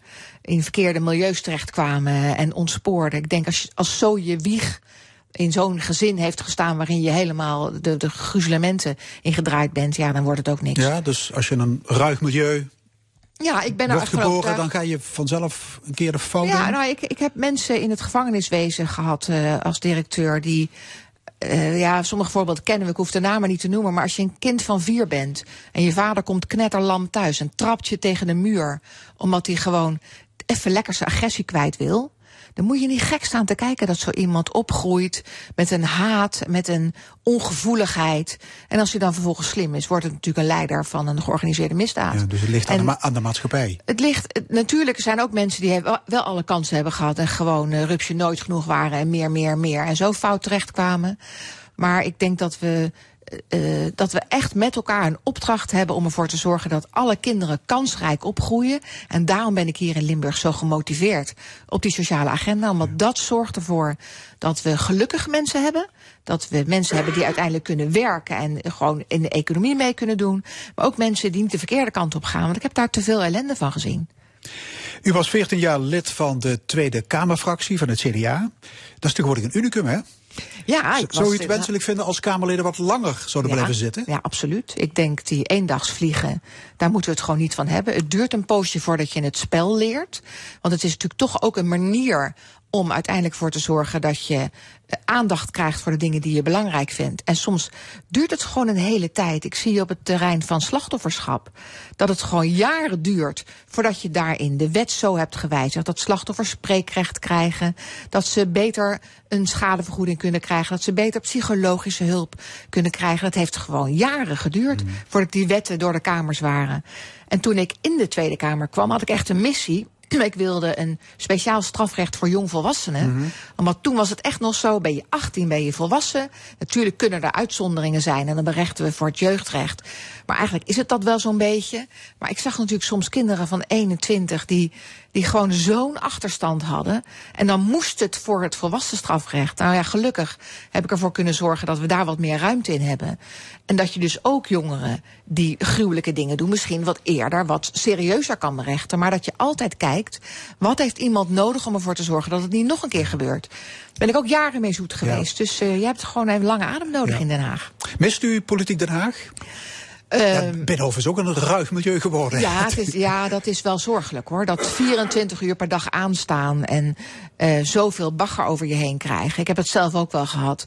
En dan helpt het wel als je een man hebt die 40 jaar in het gevangeniswezen gewerkt heeft. Die schrikt niet zo snel. Maar mijn collega's kwamen wel eens met verhalen thuis en hun partners dachten: oh, moet je daar nog wel werken? Maar ik zie tegelijkertijd ook, als ik nu de Kamerleden zie, met wat voor een energie zij weer hele moeilijke dossiers oppakken. Ja, dat is eigenlijk wel goed. Ik denk dat je na 14 jaar moet je het ook aan een volgende club overlaten die weer nieuwe ideeën heeft en op een, een of andere manier weer aandacht kan vragen voor bepaalde thema's. Dus ik vind het ze het echt heel knap doen onder hele moeilijke omstandigheden. We gaan maar eens in deze tijd proberen iedereen te binden en ervoor te zorgen dat je wel problemen oplost. Dat je wel het, milieu en de natuur oplost. Niet omdat je de boeren wil pesten, maar omdat je ook oog voor hebt voor landbouw. En dat, dat middenstuk, dat is echt iets dat we moeten koesteren. Anders ben ik bang dat Nederland onbestuurbaar wordt. U gaat eh, ook over cultuur en sport in Limburg. Ehm, in de provinciale politiek is nogal wat vrevel over de verdeling van de cultuursubsidies. Ehm, ja, in de Staten is daar een motie over aangenomen. De Staten willen eigenlijk dat er meer geld al bestemd is voor Noord- en Midden-Limburg. Eigenlijk een kwart, hè, 25 procent. Ehm, gaat dat lukken? Ja, uiteindelijk gaat het zeker lukken. Eh, dat is een hele indringende wens van de Staten. Die snap ik heel goed. Is dat, is een, is, dus dat is een terechte eh, constatering. Er gaat nu te weinig cultuurgeld naar het noorden en midden van Limburg. Ja, dat zeg ik. Ik zeg daar ja op, maar ik zeg er ook iets bij. Het mag nou ook niet zo zijn dat we eh, zeggen, we, we trekken het helemaal recht. Want dan doe je ook een aantal zaken die in Zuid-Limburg zijn ontwikkeld voor de hele provincie tekort. Dus wat mijn missie is, en dat was het eigenlijk ook in de Tweede Kamer al, en dat, gaat langzaam maar zeker, maar veel te langzaam, is dat moet veel meer middelen voor cultuur naar Limburg komen. We hebben nog steeds dat wij in Limburg eh, ongeveer, nou ik zeg ongeveer 20 miljoen betalen per jaar aan kunst en cultuur, erfgoed eh, en dergelijke. Omdat Den Haag eigenlijk meer investeert in de Randstad dan in Limburg. Het kost een gemiddelde iemand in Noord-Holland ongeveer een kwartje qua bijdrage, een ouderwets kwartje. En hier in Limburg betalen we bijna 50 euro voor cultuur. Ja, maar ja, en dat doen we omdat wij daarin geloven. Dus zouden we dat niet doen als provincie. En gelukkig hebben we daar de middelen voor. Ook omdat we ooit een energiebedrijf hebben verkocht. Eh, je, dat soort gelden hebben we nodig. Dus als Den Haag nu tegen ons zegt: Oh, jullie zijn best rijk. Jullie kunnen wel een beetje minder. Zeg ik: Ik vind het allemaal prima. Maar dan gaan er meer middelen naar Limburg. Want tot die tijd hebben we ons eigen geld nodig voor kunst en cultuur. Ja, moeten we wel een beetje zuinig zijn op die kunst en cultuur. Hè? We, Ja. hadden, we hadden bijvoorbeeld een Orlando Festival, Kamermuziekfestival.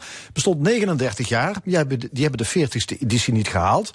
Omdat eh, u zei van eh, de provincie geen subsidie meer. Toen was het einde oefening. Ja, en toch moet ik daar wel even wat tegengas op geven, omdat het niet de provincie is die dat even bedenkt. Wij hebben een cultuurtank, dat zijn deskundigen die kijken naar wat is de artistieke waarde, maar ook hoe dat is een het, adv- adviesorgaan. Ja, maar ook hoe is het zakelijk georganiseerd. En als wij zien dat jaar in jaar uit het zakelijk niet in orde was, dan moeten we op een bepaald moment zeggen. eh, wij gaan de middelen die we de belastingbetalers op eh, bij elkaar verzamelen. eh, aan ook andere dingen geven. Dus we hebben wel heel lang geprobeerd om het overeind te houden. Eh, maar uiteindelijk eh, is er natuurlijk toch een beperkt budget. En dat wil je dan geven aan zaken die de meeste artistieke waarde hebben. Financieel ook eh, overeind kunnen blijven. En de middelen zo besteden zoals we dat met elkaar graag willen. Ja. En soms, eh, soms lukt het dan iemand niet met de beste inzet van de mensen. Want daar zal ik nooit één lelijk woord over zeggen. Maar eh, er waren kritiekpunten die maakten dat dit niet door kon gaan. En de Staten hebben mij daarin gesteund. Oké, Heerlen wil zich kandidaat gaan stellen voor culturele hoofdstad in 2033, geloof ik. Dat is nog een eindje, maar wat, wat vindt u ervan? Ja, ik vind het wel heel moedig. Want ik vind het wel heel knap dat een, eh, een gemeente als Heerlen... die heeft met name met die street art zo'n eh, mooie stempel weten te drukken. Het is best knap om in het, in het hele culturele veld in Nederland... toch weer een bepaalde niche uit te vergroten. En als je door Heerlen loopt, en dan moet je echt... je moet dus niet naar de straatstenen kijken, maar je moet om je heen kijken. Dan zie je overal de prachtigste dingen op de muren geschilderd. Eh, het is natuurlijk een, een, poosje, omdat het best wel ingewikkeld is in het centrum van Heerlen... om daar eh, de winkels eh, te blijven binden. Een beetje kaler geweest, maar daar, maakt Heerlen hele mooie stappen in. En daar pakken ze dus ook die hele rauwe street art bij. Ja, dan heb je natuurlijk wel weer een andere stempel op de kunst en cultuur gezet. Dus ik vind het heel interessant. Laat maar, Ja. laat maar gebeuren. Het wordt nog veel lobbyen. Wij blijven lobbyen voor kunst en cultuur in Limburg, absoluut. U bent lid van het college van gedeputeerde staten. Ehm, de zes bestuurders die zijn persoonlijk aangezocht door de vorige gouverneur, Johan Remkes. Het duurde hem allemaal te lang en toen is hij zelf eh, mensen gaan zoeken. U kreeg op een, op een dag een telefoontje van hem. Ja. En wat vroeg hij? Nou, het was grappig. Eh, ik, zijn secretaresse belde mij. En die zei, eh, kun je naar Limburg komen, want Johan Remkes wil graag met je praten. Toen zei ik natuurlijk. Dus ik ben er naartoe gegaan. En had eigenlijk, toen ik daarheen reed, nog helemaal niet zo'n idee waar die eh, mij voor wilde hebben. Echt niet? Nee, nee. Ik dacht, er is van alles aan de hand hier. Dus eh, ik had net een groot integriteitsonderzoek eh, uitgevoerd. Dus ik dacht, misschien zijn er nog een paar thema's waar ik mijn tanden in moet zetten. En toen zei hij, eh, kan jij eh, over drie weken beginnen? Dacht ik, met wat eigenlijk, Johan? En toen zei hij, eh, ja, ik vind jou eigenlijk wel iemand. ik heb je een beetje in de gaten gehouden de afgelopen jaren. Versterk jij dit team maar. En ik moet zeggen, ik ben daar heel dankbaar voor. En ik vind ook dat hij een, een echt een mooi team bij elkaar geraapt heeft. Dus het duizend dingen doekje Johan Remkes. Ja, maar heeft u ook bedenktijd, ge- bedenktijd gevraagd? Nee, Of geen ze- seconde. Nee, nee, ik wist dat. Eh, ik, dit, dit, dit, was, dit wordt een, ik wist dat het een mooi team zou worden. Ik wist ook dat er eh, hele belangrijke dingen aan het gebeuren zijn in provincieland. Ja, maar er waren ook net een heleboel belangrijke, belangrijke dingen gebeurd. Namelijk, het, het vorige provinciebestuur was net opgestapt. Vanwege een reeks integriteitsaffaires. en vooral het IKL-schandaal deed flink wat stof Ja, maar opwaaien. dan- dan- Daar heeft u zich niet door laten afschrikken. Oh nee, die- oh nee, geen seconde. Eh, ik ben natuurlijk wel blij dat alle onderzoeken eh, het, toch wel bij, bij een grotendeel hebben uitgewezen dat het niet allemaal dingen waren die echt verkeerd zijn gedaan door mensen. Maar soms, soms had je het gewoon misschien ook anders kunnen doen dan wat je. Soms heeft iets de schijn van. En dat, dat is gewoon ongelukkig geweest. Maar Ja, ik heb heeft, wel het boek, heeft u De Vriendenreunie gelezen? Zeker, ik heb het allemaal gelezen. En? Nou ja, dan, dan, dan zie ik wel een, eh, een, een groot maken van dingen die soms erg onhandig waren. Eh, misschien ook persoonlijk zou je dingen anders kunnen doen. Maar we hebben wel te maken met, eh, in, met bestuurders die met de hart en ziel voor Limburg dingen hebben gedaan. En ze hebben het niet uit een zelfverrijking gedaan. En dat is natuurlijk wel heel fijn om te zien. En ik moet zeggen, als ik nu kijk naar de dossiers, dat vinden mijn collega's ook. Dan zijn de afgelopen jaren wel de belangrijke dingen voor Limburg op de agenda gezet. Nee, Oké, maar wat heeft u zelf het afgelopen anderhalf jaar gemerkt van de ons kent ons cultuur? Nou, dat, Het dat, informele circuit, zit dat allemaal dicht op elkaar? Eh, ik herken uh, de manier waarop in Limburg wordt gewerkt aan de manier waarop in Brabant wordt gewerkt. Namelijk dat men elkaar heel erg goed kan vinden. En dat is ook niet zo gek wanneer je als provincie zoveel jaren door de Randstad aan je lot bent ja, overgelaten. Maar dat leidt Wij wel hebben tot hier... netwerkcorruptie, dat is juist het probleem. Nou, de grap is, het werkt dus niet tot corruptie. Het werkt wel tot netwerk waarin je soms moet zeggen... ontvlecht dat nou eens, daar worden we toch echt sterker van. En dat heeft moeten gebeuren. Dus ik praat niets goed en tegelijkertijd wil ik ook wel benadrukken...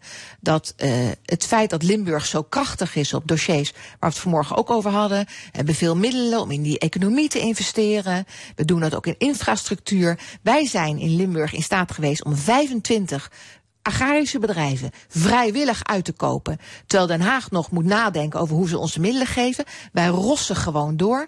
Mijn goede GroenLinks-collega, die weet precies de balans te vinden is. Hoe help ik boeren en hoe doe ik ook iets voor de natuur? Dus ik denk dat er hele goede dingen gebeuren. Soms juist omdat je elkaar goed kan vinden. Hier stonden de boeren niet woedend bij ons op de stoep. Nee, die, die kwamen lekker vla halen. Ja. En die maar Zo die moet je dat aanpakken. Ja, maar die gingen ook constructief met ons in Ja. gesprek. Omdat zij willen, wij willen ze niet tegen de muur zetten. Wij willen ze helpen om met elkaar een, uh, ja, een, een, stap te zetten die we nu eenmaal moeten zetten. Ook voor toekomstige Ja. generaties. 15 maart, de Provinciale Statenverkiezingen. Bent u beschikbaar voor een nieuwe periode? Als zal- het CDA Ik zal altijd wordt? op een manier eh, ja zeggen op iets wat Limburg me vraagt. Maar ik vind zelf dat als ik niet in Limburg woon en ik ga nu niet verhuizen. Mijn, mijn persoonlijke situatie is dat mijn kinderen een beetje op de, op de rand staan op zichzelf. Dus ik blijf voorlopig nog Ja, even. want u woont nu in. Rosmalen, en ik vlakbij Den dus- Bosch. Ja, ik vind dat een gedeputeerde van Limburg in de provincie moet wonen. Nu is het zo dat ik beslissingen neem over Limburg en vervolgens de provincie uitrij.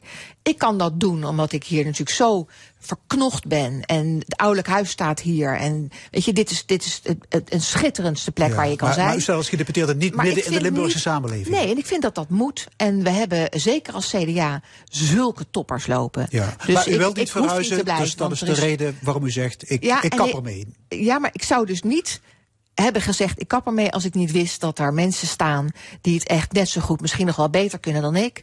Dus eh laat ze maar schuiven hier, die CDA'ers in Limburg. Die doen het fantastisch. Die hebben altijd goede dingen gedaan op die agenda's die ik net besprak.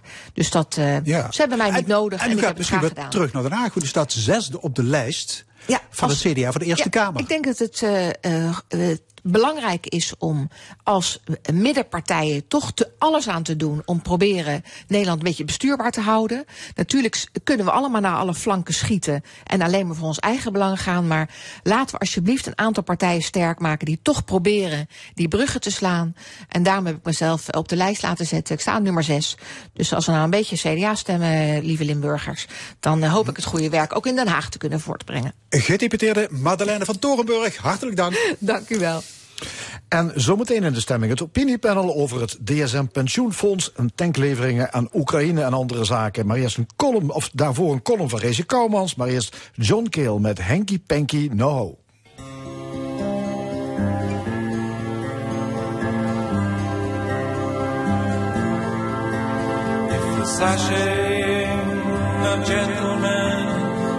grievance now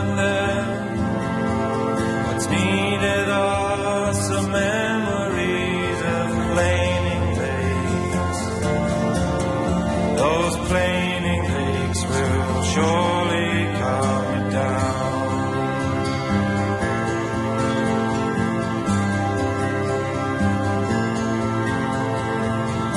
Nothing frightens me more than religion at my door.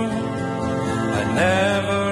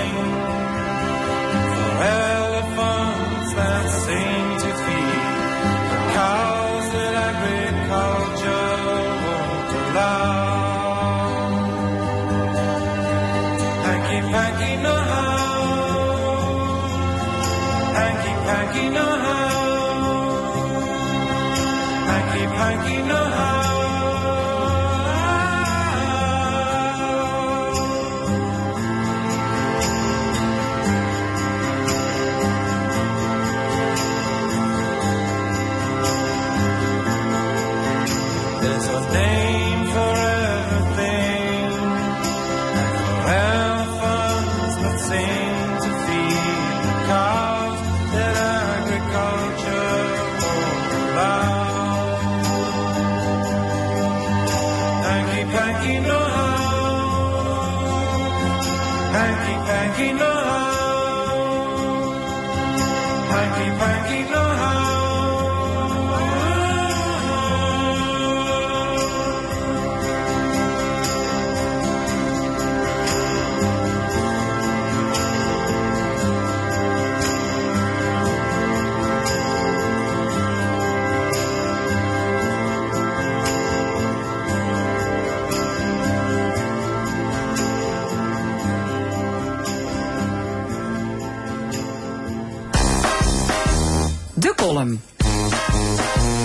Vandaag met Rezi Kouwmans. Momenteel zit ik midden in de uitvoeringen van de Madamenkoer. En als ik dan s'nachts alleen trucrie, heb ik de radio aan. Ik luister eigenlijk veel te weinig radio. En zo hoort ze nog een schat. Soms best leuk en soms triest. Deze week kwam het nieuws dat David Crosby was gestorven. En ter ere van hem draaiden ze I Almost Cut My Hair. True luisteraars van dit programma weten dat ik goed stil protest tijdens de corona-epidemie besloten heb om niet meer naar de kapper te gaan. Dus daar is al drie jaar niks meer vanaf gegaan, behalve vorig jaar. Toen heb ik hier live achter de microfoon een heel klein stuk van mijn haar gesneden. Ook uit protest voor de vrouwenrechten in Iran. Maar wat heeft mijn opoffering nu opgeleverd? Helemaal niks. Nog steeds werd ze daar, als ze de moel optrekt, strak opgehangen. Of toen moest het geluk hebben dat ze een goede voetballer bus. Dan zwicht het regime een klein beetje onder druk van de westerse opinie en werd de doodstraf omgezet naar 26 jaar gevangenschap. Ja, geluk hebben. Mhm. Goed, je mag protesteren, maar met de rug tegen de muur. Hoor ik het klein orkest zingen.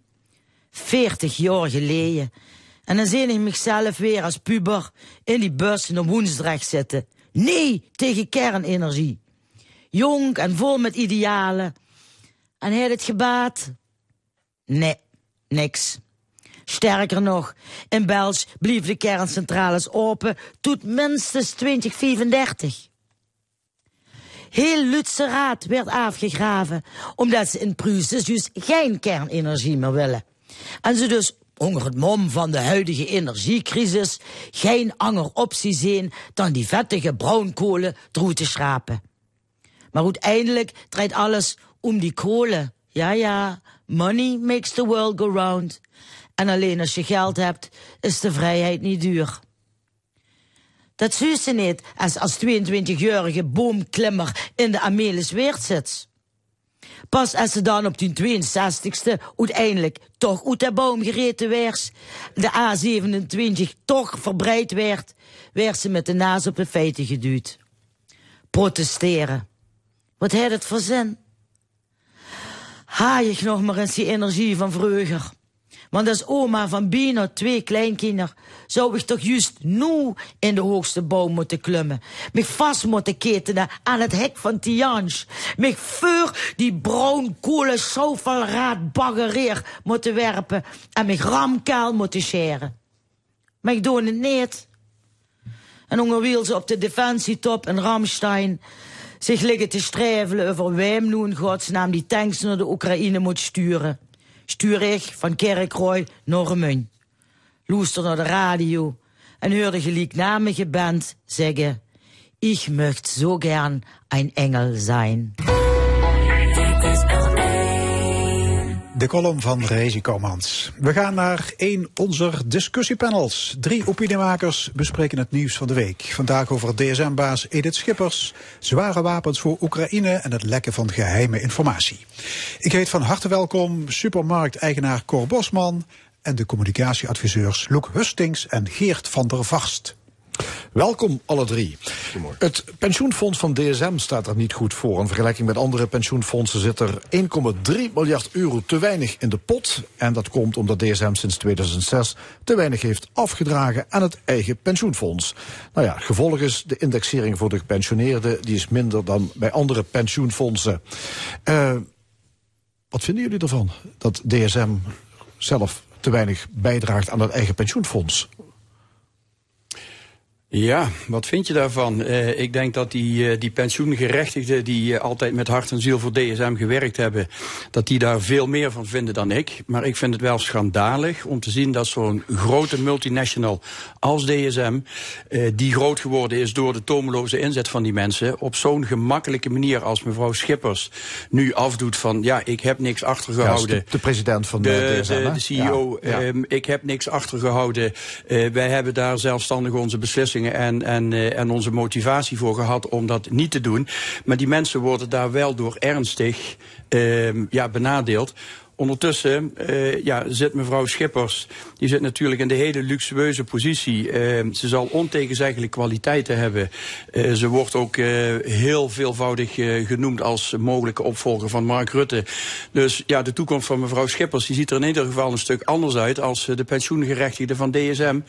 Ja, die, die ja, op hun indexatie zitten te wachten. En gemiddeld, wat ik uit de berichten heb gelezen, 10.000 euro pensioen mislopen op deze manier. Ja, Schandalig. Ja, terwijl DSM stond eigenlijk altijd bekend als een bedrijf met een sociaal hart. Ja. Luc Hustings. Ja, dan is het uh, reden te meer om je te verbazen over de gang van zaken op dit moment. Althans, ja, dat heeft natuurlijk toch achter ons gelegen, hè? De, de, de, dat ze met de vingers in de pot zaten. Maar uh, er zijn dan natuurlijk toch een aantal schrijnende dingen. Um, het feit dat men um, een vorige president-commissaris of, of, of, CEO um, vond dat hij toch wat uh, extra pensioen moest krijgen. En dat er ineens 2,5 miljoen in zijn potje erbij kwamen. Ja, cijfers maar heb je het nu over. Ja, ja. ja. Uh, dat vind ik natuurlijk toch een, een wraakroepende zaak. Als je daarnaast leest dat ze hun verplichtingen ten opzichte van hun medewerkers niet zijn nagekomen. Of, uh, laten we zeggen, uh, hebben, hebben gekocht. Dat, dat, dat wringt natuurlijk op een geweldige manier. En als je dan ook nog weet um, dat er nu een uh, fusie um, met een Zwitsers bedrijf mogelijk gehonoreerd gaat worden met enorme bonussen. Terwijl degene die die inspanningen geleverd hebben aan het bedrijf die ertoe geleid hebben dat die fusie nu mogelijk is, dat je die dus, die bonus, nee, wat zeg ik bonus, datgene waar ze recht op hebben, gewoon onthoudt. Ik vind dat dus eigenlijk een schandalige zaak. Ja, Geert van der Vast, hoe kijk jij ernaar? Ja, volgens mij echt zeer eens met de twee vorige sprekers. Um, volgens mij moeten we het echt uit elkaar trekken, want wat je enerzijds ziet is in uh, de discussie over waar is het pensioengeld, die bonussen, uh, oftewel het bestuur van DSM. En dan heb je het tweede aspect, en dat is eigenlijk wat ik nog het meest frappant vind omdat de VVD mevrouw Schippers naar voren heeft geschoven in de Eerste Kamer, misschien zelfs als kroonprinses achter Mark Rutte, uh, uh, krijg je ineens dit soort publicaties uh, komen ineens allemaal naar boven. Mm -hmm. En het, het zou eigenlijk vooral moeten gaan, inderdaad, om al die medewerkers van DSM die zich jaren en jaren in de, in de, uh, ja, de, de, de, de, vaak fysiek kapot hebben gewerkt voor het bedrijf. Uh, en die dit mislopen. En anderzijds, tweede ding, is die uh, politieke component. En dat, die is in die zin minder relevant, maar maakt het wel groter. En dat is het punt van ja, wat betekent dit voor de positie van mevrouw Schippers? En zeker als opvolger van Mark Rutte. Want we zien de ene na de andere kroonprins, kroonprinses van de VVD omvallen. Uh, gaat dit ook deze gevolgen hebben? Ik ben daar toch ook wel weer benieuwd naar. Ja. Nou ja, de ervaring leert wel dat alle in het verleden tot kroonprinsen en prinsessen uitgeroepen politici dat die het allemaal niet geworden zijn. Hè? Ja. Dat geldt niet alleen voor de VVD, maar ook voor het CDA. Gaan ze maar door. Hè? Welke kroonprins hebben we de revue niet zien passeren... die om whatever reason uiteindelijk, als het puntje bij paaltje kwam... toch niet op de stoel nee, terecht Maar wat, wat mij dus wel frappant, wat ik echt frappant vind... is dat ik heb gezocht in aanloop naar dit programma... naar de reactie van mevrouw Schippers op de bonussen, op de pensioenen. En het enige wat je krijgt is een sumier zinnetje van... daar kan geen sprake van zijn of gewoon geen commentaar. Nee, we doen en geen dan denk ik, ja jongens, dat kan niet. Als je bestuurder Ja. bent en je verdient veel geld... dan moet je ook de ballen hebben om gewoon voor de camera gaan staan... en uit te leggen waarom de dingen zijn zoals ze zijn. En dan moet je niet stilletjes ergens achteraf gaan zitten. Want dat kan echt niet. Heel terechte opmerking. En je maakt zelf de opmerking over de politieke component die hier aan plakt. Mhm. En daar maak ik mij dan wel zorgen over. Stel nou dat Edith Schippers, en nog, nogmaals, ze heeft ontegenzeggelijke kwaliteiten. Maar de VVD-carousel, de baantjescarousel, die draait welig. Want haar voorganger was ook een VVD-politicus. Eh, ze wordt nu genoemd als de nieuwe president van de DSM eh, Europe. Eh, maar stel nou dat ze daadwerkelijk de opvolger van een Mark Rutte wordt. En, ook een man met heel veel kwaliteiten. Maar een van zijn kernkwaliteiten is toch wel het, het, het, draaien, het draaien met de verantwoordelijkheden. Het draaien met de waarheden. Op een dusdanige manier dat je geen enkele kant op kunt. eh, waarbij je zelf eh, ja, uit de wind blijft. Maar een hele hoop andere mensen wel de wind, de volle laag aan de voorkant krijgen. En dat gebeurt dus nu ook bij DSM. En dat vind ik heel erg kwalijk. Ehm, ik denk dat mevrouw Schippers eh, in, in, in deze casus in ieder geval haar, haar morele kompas eh, verkeerd afgesteld heeft. Ja, en leg het anders op zijn minst uit. Ga voor die camera staan. Je bent bestuurder, je krijgt ervoor betaald. Ga, zeg maar, eh, leg uit waarom je doet wat je doet. Ja, er is een belangenclub van eh, gepensioneerden van DSM. En ik hoorde de voorzitter van die club, eh, Ger Wagemans, die hoorde ik hier op deze zender zeggen. Ik heb er best wel eh, vertrouwen in eh, dat DSM dit eh, pensioen, eh, dat, dat tekort, dat, er, dat we daar wel uit gaan komen. Ja. Wat denk je? Ja, tuurlijk. Nou, Tuur- 900 tuurlijk komen ze daaruit. geld, hoor. 900 miljoen is heel veel geld, maar als je kijkt naar de resultaten die DSM neerzet ehm, en, en waarvoor, eh, als je dan een van die submiere verklaringen ziet, waarom dat ze destijds niet die pensioenpot hebben bijgevuld, omdat ze moesten investeren richting toekomst. Nou, die, eh, die 900 miljoen, die kunnen er ook nog wel af. Misschien ze, kunnen ze eens beginnen met die 150 miljoen die in het vooruitzicht is gesteld als bonus voor de topbestuurders, om die daar al eens in, eh, in te mooie start. Ja, toch? Zou, zou, is dat realistisch om te verwachten dat een bedrijf als DSM dadelijk gefuseerd inderdaad 900 miljoen in die pensioenpot gaat stoppen weer? Of het, of het realistisch is om dat te verwachten, weet ik niet. Ehm, ze kunnen het goed betalen, hè?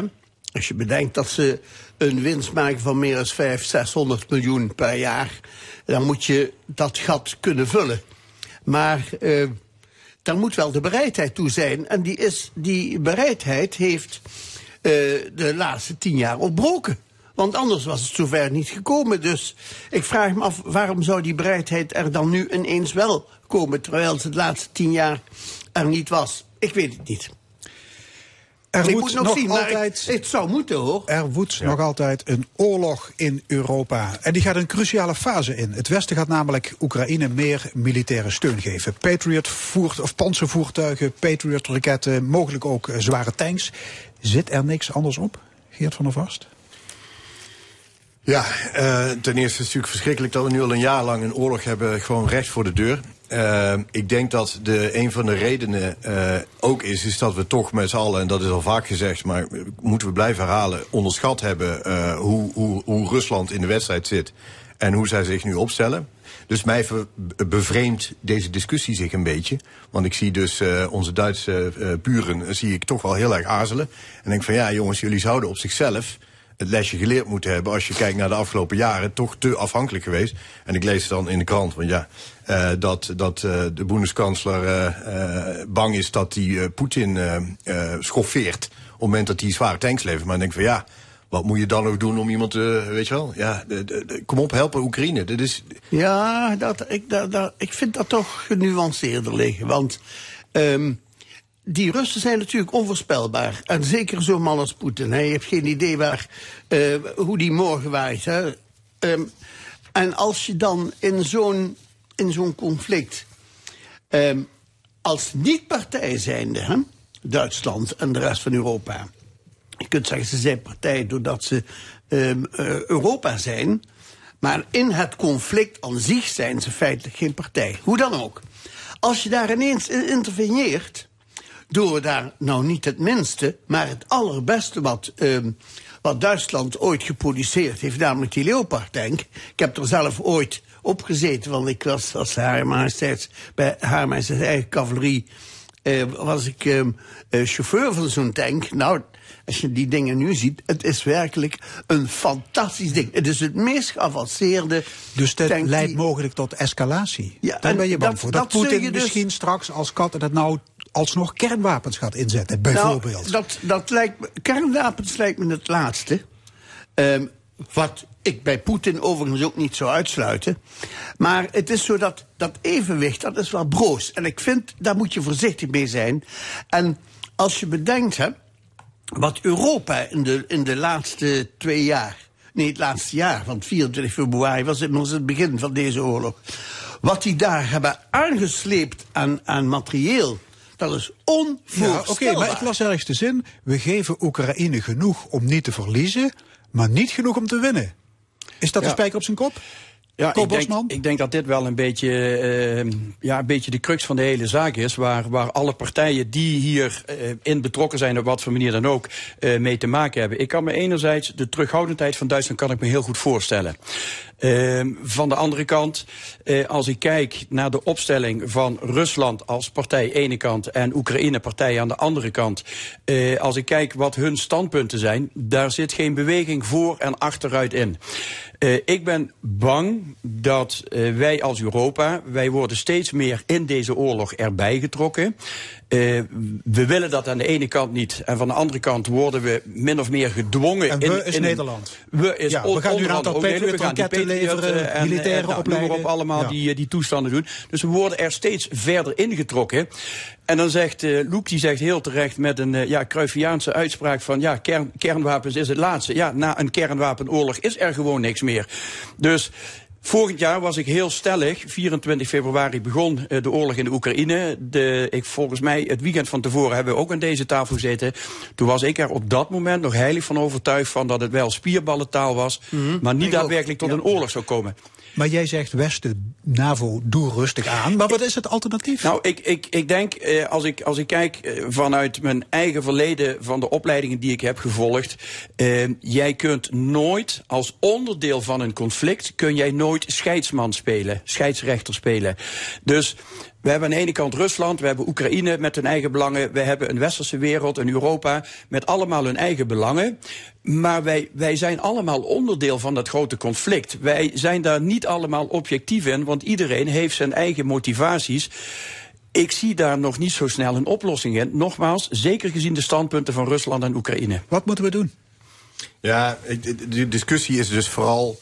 Zitten we, zijn wij. Ehm, eh, ik denk dus persoonlijk dat Oekraïne is al Europa. Dus we kunnen wel zeggen van ja, we willen scheidsrechter of we, willen de, we worden er steeds meer ingetrokken. Nee, we zijn er onderdeel van. Dat zijn we gewoon. En misschien niet in de formele juridische eh, zin des woords, hè, dat we eh, NAVO. Maar Nee, maar ik bedoel, wat moeten we doen in militair opzicht? ja, ik vind, ik vind dat we de Oekraïne daarin moeten steunen. Want dit is gewoon een agressie van Rusland geweest op een, een soeverein land. En ja, wat komt er daarna? Dus ik, ik, ik vind dat we heel duidelijk moeten laten zien, zoals Biden ook gedaan heeft. Eh, jongens, Dus meer raketten, meer tanks, meer Patriots. ja, in ieder geval op zijn minst de verdedigende eh, eh, elementen. Dus ja, maar dat doen ze nu ook, hè? Ja. Het gaat nou juist om het aanvalswapen, de Leopard-tank. Ja, maar aanval in de zin van dat ze de Oekraïne zijn eigen land kan terugkrijgen. Maar goed, er gaat een, een petitie rond die pleit voor onderhandelingen met Rusland. Maar ondertekenaars die krijgen het flink voor hun kiezen, want dat wordt gezien als hoogverraad. Daarbij een Kremlin-bewonderaar. Wat vinden jullie? Nou ja, ik, ik, denk dat, ik denk dat sowieso de, de stemmen nog niet ri- rijp zijn, de geesten nog niet rijp zijn eh, om aan de ehm, vredesonderhandeling te beginnen. Die behoefte van beide partijen is er nog niet. Zowel Rusland wil dat niet als Oekraïne wil Nou, dat misschien niet. wel de publieke opinie. Ja, dat is dan heel leuk dat Ja. de publieke opinie dat wil. Maar de publieke opinie maakt geen oorlog en lost die oorlog ook niet op. Hè? Nee, het is zo die, dat het zal tussen Rusland en Oekraïne in eerste instantie moeten gebeuren. En als die beiden de bereidheid niet hebben om aan tafel te gaan zitten. De bereidheid lees de noodzaak, want daar zal het toch op neerkomen. Op het moment dat ze met de rug tegen de muur staan, pas dan komen eh, er Die, nood- vredesonderhandelingen. die noodzaak die ligt er. Die ligt er van allebei de kanten. Eh, Oekraïne, eh, dat wordt helemaal, eh, ehm, ja, helemaal de grond ingestampt. Klaar, eh, veel duizenden doden. Eh, Rusland, publieke opinie. Ik hoor straks nog op weg hier naartoe eh, nieuwsberichten. Eh, eh, het is helemaal verboden Rusland ook maar iets over die oorlog te zeggen. Wordt nu schijnbaar op het Rode Plein in Moskou worden bloemen neergelegd. Op het moment dat je dat doet, word je, eh, word je alle minuut opgepakt. Dus iedere vorm van wat voor sympathie dan ook om die oorlog te beëindigen, dat wordt in Rusland op dit moment nog niet getolereerd. belang van Oekraïne is dat die oorlog stopt, dat ze hun land weer kunnen opbouwen. Het belang van Rusland is dat Poetin geen gezichtsverlies leidt. Nou, en probeer daar maar een goede modus in te vinden. Daarbij komt dat, ehm, dat Oekraïne wil eh, pas aan de vredestafel, de onderhandelingstafel gaan zitten, als die Krim ook veiliggesteld is. Nou, dat, dat is, eh, laten we zeggen, die Krim zal sowieso een breekpunt of een scharnierpunt zijn in de hele onderhandelingen die ooit moeten gaan volgen. Want dat die onderhandelingen er komen, dat staat volgens mij vast. De vraag is alleen wanneer. En dan zal het over de Krim gaan. Daar ben Maar Poetin zal de Krim en die andere bezette gebieden koet willen behouden. Ja, de Krim zeker. En dat is, is dat on- onderhandelbaar? Nou, dat is voor Oekraïne ononderhandelbaar. Ja. En ik vind dat ze daar gelijk in hebben, Nou, dat, dat zijn dus die standpunten waar ik het net over had. Dus daar zal nog heel veel water door de Maas gaan. En gelukkig hebben we nu het voordeel En er zal dat nog er- veel bloed aan het front vloeien. Daar zal nog heel veel bloed eh, aan de front eh, vloeien, inderdaad. Maar ja, een oorlog is altijd ehm, een, een verhaal van ellende. Hè? Laten we zeggen, eh, een, een oorlog ehm, gaat nooit gepaard met het uitdelen van bloemetjes en roosjes, hoor. Nee. In Davos, in Zwitserland, dat is een ander onderwerp, is de wereldelite bij elkaar. CEO's van internationals, regeringsleiders, voormannen en vrouwen van NGO's. Ze praten over de situatie in de wereld. Eh, dat World Economic Forum, want daar hebben we het over, dat kreeg eh, altijd veel kritiek van links. Want het zou een hoog mis voor de liberale wereldordening zijn. Tegenwoordig komt die kritiek juist van rechts. eh, want er zou, bepaal, er zou een kleine elite zijn die bepaalt wat er in de wereld gebeurt. Hoe kijken jullie naar dat World Economic Forum? Nou, ik vind eigenlijk altijd als je ehm, eh, internationale fora hebt, of dat nou het Wereld Economisch Forum is, of TEFAF als het gaat over kunst, of noem op, er zijn zoveel bijeenkomsten in de wereld waar ehm, toonaangevende mensen bij elkaar komen. In dit geval, bij dat, eh, bij dit Economisch Forum, heb je wel het neusje van de politieke zalm bij elkaar zitten. En ik denk dat het van belang is dat die mensen elkaar ontmoeten. Of ze daar praten over economische zaken, zal allemaal een zorg zijn. Maar als je met elkaar praat, voer je geen oorlog. En ik denk dat ehm, om, om nu. eh, eh, laten we zeggen, de verstandhouding tussen landen wordt alleen maar beter als ze elkaar goed begrijpen en goed verstaan. En eh, hang daar het alibi economisch forum aan. Het feit dat je die mensen bij elkaar krijgt. En dat ze daar in een plaatsje daarvoor, ja, laten we zeggen, dat stelt geen moer voor, ehm, eh, geïsoleerd op een plekje zet, wil zeggen dat die mensen tot elkaar veroordeeld zijn en die dagen dat ze daar zijn, elkaar overal tegenkomen. die wandelgangen zijn belangrijker dan het forum zelf. Ja, maar Loek, tot vorig jaar kwamen daar de Russen, eh, of tot, twee jaar geleden. En Ja. die, die deden ook gewoon mee. En Tuurlijk. Je zegt, dan voer je geen oorlog. Die zijn gewoon oorlog gaan voeren. Ja, nu zijn ze niet meer welkom. Nee, dus maar, dat, dat, dat, het is ook niet zo als je daar komt dat je, nou, je geen moet het natuurlijk niet één op één zien, maar in principe kun je zeggen, daar waar mensen met elkaar praten, ehm, is de kans dat ze, laat ik het dan zo zeggen, dat ze met elkaar oorlog voeren kleiner. Als ze elkaar niet spreken, dan wordt het gevaar groter. Ja, Cor Bosman?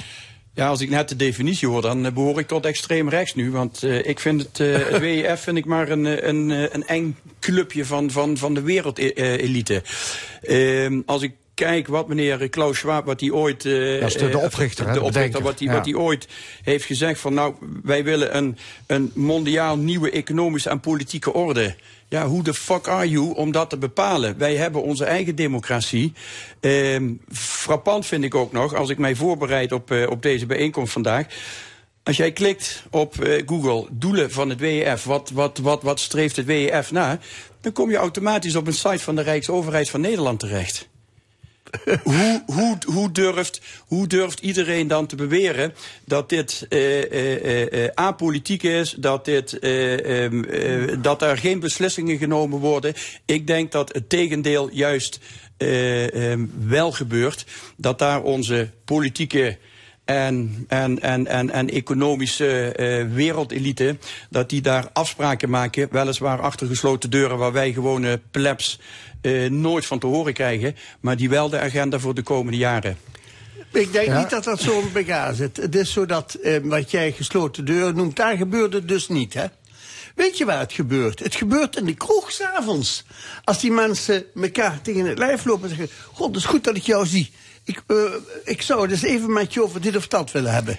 Die informele contacten, die zijn volgens mij veel belangrijker. Daarin worden, ehm, wordt het pad geëffend om met elkaar Yes. zaken te doen. Of gaan ze Yes, en dan, zijn die, dan, is het, dan is het selecte groepje journalisten, wat dan ook quasi uitgenodigd wordt, die bij de openbare eh, eh, meetings aanwezig mogen zijn, maar die s'avonds niet in die kroeg, wat jij zegt, niet aanwezig mogen zijn.